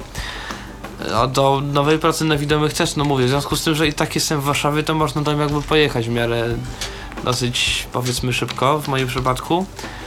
No i tak, no tylko mówię, to jest jakby opis mój, prywatny, poza tym, no ja mieszkam dosyć blisko Warszawy, no więc jakby to wszystko i tak mam pod nosem, więc tam nie, nie, nie muszę jeździć specjalnie na, na konferencję, żeby coś tam zobaczyć. Michale, a twoja opinia? Tej Rechy? Tym Yy. bardziej, że masz porównanie. To znaczy. Myślałem, że ta konferencja i wystawa będzie nieco lepsza, ale to ja myślę, że to jest trochę takie, na, trochę na takiej zasadzie, że to dziesiąty raz, że się tak nastawiałem, jakby wiedziałem, że będziemy robić tą transmisję, że będę nagrywać wystawców i może, może to tak trochę jest, że sobie to za bardzo wyobrażałem, za dużo, za dużo chciałem, a nie wszystko udało się zrealizować i, i mam jakiś taki, y, no coś w rodzaju niedosytu jakiegoś takiego, ale tak naprawdę, no tak czy inaczej, yy, ja przy wszystkich moich, yy, przy, przy wszystkich jakichś tam yy, rzeczach, o których, o których mówiliśmy, może jakichś tam zastrzeżeniach albo obiekcjach, no to nie ma w Polsce czegoś podobnego i jeżeli ktoś interesuje się bo jeżeli ktoś się nie interesuje, to tak, żeby jechać, no tak na zasadzie jechać i pomarudzić, no to rzeczywiście nie ma, nie ma, nie ma po co. Natomiast jeżeli ktoś trochę się chociaż interesuje technologiami, y, tymi tyflotechnologiami i wie, y, wie co chce, y, ma konkretny jakiś cel, najlepiej jeszcze jeżeli ma ktoś z kim pojechać, bo, bo to bardzo tak, ułatwia. Póki co tak na pełną jakąś, na pełne wsparcie wolontariuszy tam raczej nie ma co liczyć, no to, no to ja za, każdego będę, będę zachęcać. Konferencja, i wysta- szczególnie wystawa, bo mnie jakby też nie, powiem od razu szczerze, nie bardzo interesują te kwestie, te rzeczy kulturalne, jakieś tam, jakieś tam ping-pongi, rozgrywki, coś tam. Zupełnie mnie to nie interesowało, yy, także no, tylko mnie interesowało i z racji osobistych zainteresowań, i z racji pracy yy, zawodowej yy, wystawa technologiczna. Yy, no to ja co roku będę, jak, jak tylko będę mógł, to, to co roku będę się pojawiać i co zresztą od lat y, robię i do czego gorąco zachęcam. To tak jak mówię, no, Recha for the Blind in Poland jest jedyną y, taką y, konferencją i, wy, i, i wystawą w, w Polsce, w Europie Środkowo-Wschodniej. No nie ma czegoś takiego. Także no, najbliżej mamy, ma, mamy Frankfurt i Side City, a, mm, a jeżeli chodzi tutaj jeszcze bliżej, no to właśnie Warszawę. Jak dla mnie szkoda, że to jest grudzień jednak, bo to jest zimno przed świętami. Jakoś, myślę, że nie wiem, październik, jakiś inny albo maj byłby znacznie lepszy. Ale za to Chociaż święty fakt Mikołaj faktem- może wjechać na wózku inwalidzkim. Tak. Chociaż fakt faktem, że jakby zauważcie, że sporo tych konferencji ogólnych się odbywa właśnie w zimie. Yy, przecież co? No dobra, te muzyczne, no to powiedzmy to jest moja działka, ale też te wszystkie jakieś nam, music mess czy coś takiego, to też jest marzec, luty, czasem kwiecień. Komputerowy przecież, jak to się ta konferencja nazywa, ta ogromna, wielka Cebit. i w ogóle. Cebit. Cebit. Cebit to jest To też jest w zasadzie- marzec. Marzec. To też jest w zasadzie takie- mamy ten, takie y, roztopy. y, CS y, Consumer Electronic Show w No Las Vegas właśnie. w Tak, styczniu. Y, No ale w co, Berlinie, jakoś- Berlin mamy w sierpniu, jak to się nazywa, jest jakaś taka jeszcze w Berlinie duża. No tak, nie, myślę, że to jest tak podzielone, no bo z naszego Tyflo rynku no, te, mamy Techshare jakoś y, w czerwcu chyba w Londynie, w styczniu mamy coś w Stanach, nie pamiętam jak to się nazywa, CISAL mamy w marcu, także to tak y, Frankfurt zawsze w maju gdzieś tam. No, to- Czy ja myślę, że to się tak, y, no tak co, co, co kwartał coś się dzieje gdzieś tam. Dokładnie, tym bardziej, no, że też w tym naszym tyflo rynku, na tym tyflo rynku aż tak znowu się nie dzieje, żeby pokazywać to bardzo często, no bo po prostu no, pojawiają się co jakiś czas jakieś nowinki, ale tak naprawdę no, nie ma tak y, i Recha, no może poza tą ładowarką gdzieś tam, y, czy, czy jeszcze kilkoma innymi rzeczami, to, to, to jakoś Takimi tak specjalnie typowo czymś- polskimi, no bo... tak, tak, dokładnie. To, co miał czymś pokazać za granicą, to naprawdę tak mocnym y, No nie i co zaskoczyła. by- Nie było i jakiegoś co by nie mocnego mówić? wejścia. I co by nie mówić, jeszcze a propos, a propos mocnych wejść, to mo- możemy sobie tak mówić, to jest taka troszkę dygresja, ale często mówimy, że tam coś jest nie do końca spolszczone, że są jakieś opóźnienia i to wszystko jest prawda, bo na przykład e, chociaż JOS podobno polski ma być w styczniu, Windows w lutym, więc całkiem nieźle, ale już coraz więcej urządzeń e, i programów jednak jest na we- wejściu spolszczonym, to, spolszczonych. To już nie jest to, co kiedyś, że jakiś program i może jak się sprzeda ileś sztuk, to spolszczymy, aż tak ten, ten rynek się nasyca i ten rynek się normalizuje. On się jednak y, przy wszystkich mankamentach, do, y, które często mówimy na temat nieprofesjonalności y, obsługi w tyflofirmach, niekompetencji i tak dalej, to ja myślę, jakby tak porównać to, co było lat temu 5-6, to ten tyflo rynek jednak się jakoś tam specjalizuje i profesjonalizuje. No bo teraz Nie wiem, jest czy takie presja macie większa. wrażenie. Myślę, Zgadza tak, się. Teraz świadomość użytkowników też też. jest większa już. Mhm. Dobrze, a ty Patryku, jakieś twoje refleksje? Or- z Rechy? organizacja kiepściuchna, no nie oszukujmy się. Zarówno ta logistyczna, po wystawie myślę, że samemu nie mógłbym się tak fajnie poruszać, bo było to po prostu duże. Krzątało się między ludźmi zainteresowanymi zarówno konferencją, jak i multikinem. Jest tak, no średnio to wyglądało, naprawdę. Komputery pokazujące y, pole wpisz hasło na projektorze względnie film na początku bez obrazu, potem z obrazem, a w rezultacie i, i tak niedokończony. Y, I kilka innych mankamentów dotyczących imidżu jako takiego siedzącego, prowadzącego i obsługi wolontariatu. Na pewno. Natomiast z drugiej strony zgodzę się w pełni z Michałem. Nie ma za zbytnio niczego innego w Polsce i jak ktoś się interesuje, to mimo wszystko y, jak bądź i kiedy bądź powinien tam być, szczególnie dla wystawy. Dokładnie, bo mm, dzięki tej wystawie można być w miarę na bieżąco z tym, co jest na rynku, szczególnie jeżeli ktoś e, nie jest e, z Warszawy. No, Znaczy, tak ja, ja to potraktowałem Tomek. inaczej. Ja to potraktowałem inaczej. Ja z racji My mm, znajomości z tymi serwisami różnym, różnego autoramentu i tak dalej, no to wiadomo, że my jesteśmy jakoś tam powiedzmy na bieżąco w 98 czy 9% tak o. Ale kwestia przyjść i zobaczyć sobie, co to tak naprawdę może, chociażby na chwilkę, Dokładnie. to jest zawsze co innego niż O to mi przede tak. wszystkim chodzi. No bo, Tak, no powiedzmy sobie mamy- szczerze, my to jeszcze dla, mamy tak dlaczego, dobrze, że- powiedzmy sobie szczerze, dlaczego tak mało jest prezentacji różnego rodzaju y, urządzeń w Tyflo Podcaście, takich, e, takich, takich stricte, stricte Tyflo. To nie jest to, że my nie chcemy, e, ale po prostu nie zawsze można dostać coś takiego. I nie zawsze do- można też z takiego powodu, że po prostu pożyczyć na test. Firmy, że firmy, na przykład taki Focus. Focus niby od czerwca już jest tam we, we Freedomie, znaczy na, na świecie, do listopada, mimo że wnioski były składane, w Polsce była jedna sztuka, a potem w ogóle Focusa nie było. Dopiero Focusy Altic zaczął zamawiać od, od listopada. Także są różne, na przykład Harpo ma jakieś sprzęty prezentacyjne yy, na stanie, a Altix różnie to bywa, więc to, albo na przykład to są sprzęty, które od razu ma, idą do klienta, że nie mają takich demonstracyjnych sprzętów magazynowych, które mogą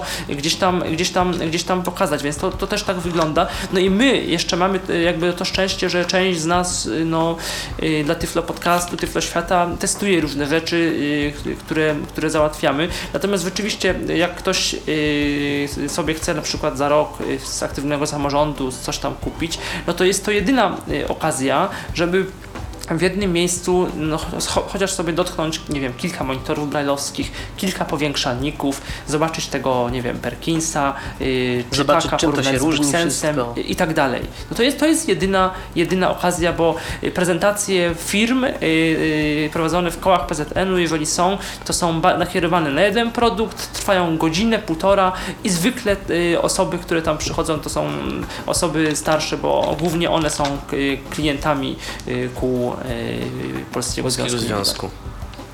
No to ja teraz Natomiast może w jeszcze... Czytaku radio Mhm. zrobili. A to O, już kiedyś, no tak. właśnie. To już i radio, i Bluetootha też. Tak. No, radio działa I tak sobie, planują- ale, ale jest. Planują też e, jakieś formaty EPUB, to coś tam bardziej jeszcze z tekstami y, dopracować. No ja oczywiście podrążyłem jeszcze, zapytałem ich, czy może kiedyś ten format y, czytakowy gdzieś będzie dostępny na jakichś innych urządzeniach i w ogóle, czy są takie możliwości. No to do, uzyskałem okrągłą odpowiedź, że tak, że możliwości oczywiście są, tylko wszystko się y, rozchodzi o szczegóły. To jest zawsze kwestia dogadania się. Rozmawiać zawsze można, ale co z tego wyjdzie, to już zupełnie inna sprawa. No czyli właściwie nie kontynuowałem tematu, bo, bo, bo, bo nie było to. Sytuacja nie się po nie prostu nie zmienia. Dokładnie. Sytuacja się nie zmienia i, i raczej nie widać. Niby żeby- można, a nie można. Żeby miała się zmienić. Dokładnie, dokładnie. To po prostu no, kwestia, kwestia jakiejś tam decyzji, takich, a nie innych. Natomiast y, z mojej perspektywy, y, jeżeli chodzi o mm, wystawę, no mówiąc szczerze, za wiele to mi się nie udało zobaczyć. Yy, ale to dlatego, że już po prostu nie było, nie było sił na to. Yy, ja mogę powiedzieć, że przede wszystkim ta recha y, dla mnie no to było nowe wyzwanie, bardziej z punktu widzenia jakiegoś przedsięwzięcia, jakim jest transmisja internetowa. Mm, To wydawać by się mogło, że to jest tak naprawdę podłączenie komputera, włączenie i, i że to gra, ale mm, no to jednak nie jest do końca tak. Te, ta transmisja, której mieliście okazję Państwo wysłuchać, e, została okupiona raz, że kilkoma ładnymi godzinami tam w Multikinie, a i jeszcze kilkoma wieczorami, kilkoma wieczorami e, gdzieś tam konferencji, telekonferencji, siedzenia, kombinowania, dłubania, no i ustawiania tego wszystkiego, żeby działało tak, jak y, działało. Ale zadziałało i ja się z tego powodu bardzo cieszę, y, bo mamy dzięki temu fajny materiał, który chyba, mm, popraw mnie Michale, ale to będzie chyba pierwszy materiał z Rechy, który zostanie opublikowany w ogóle.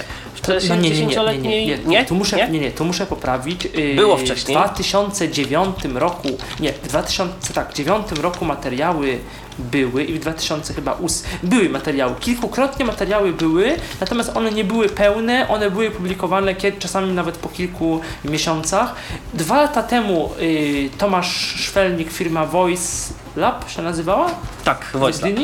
Z którą też rozmawialiśmy, y, miała to jakoś odszumiać i nie wiem co się stało, że w końcu materiały nie zostały opublikowane. Rok temu zostało w ogóle materiały nieopublikowane, y, ich nie było. y, No i w tym roku, w tym roku będą zarówno materiały, jak i po raz trzeci wy- wy- wywiady z wystawcami. Wywiady, dokładnie, bo i to trzeba powiedzieć.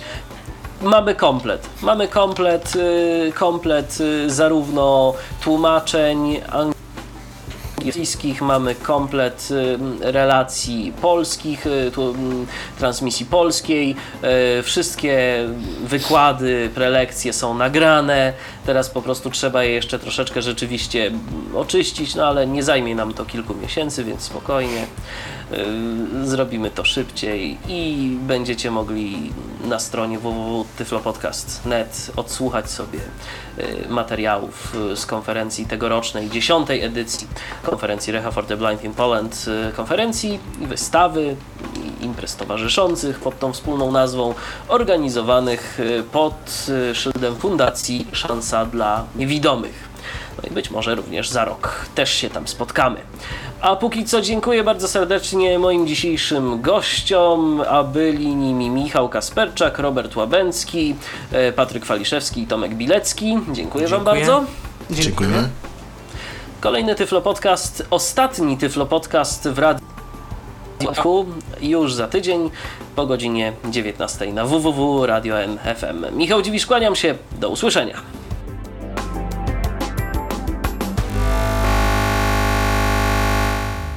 Był to Tyflo Podcast. Pierwszy polski podcast dla niewidomych i słabowidzących. Program współfinansowany ze środków Państwowego Funduszu Rehabilitacji Osób Niepełnosprawnych.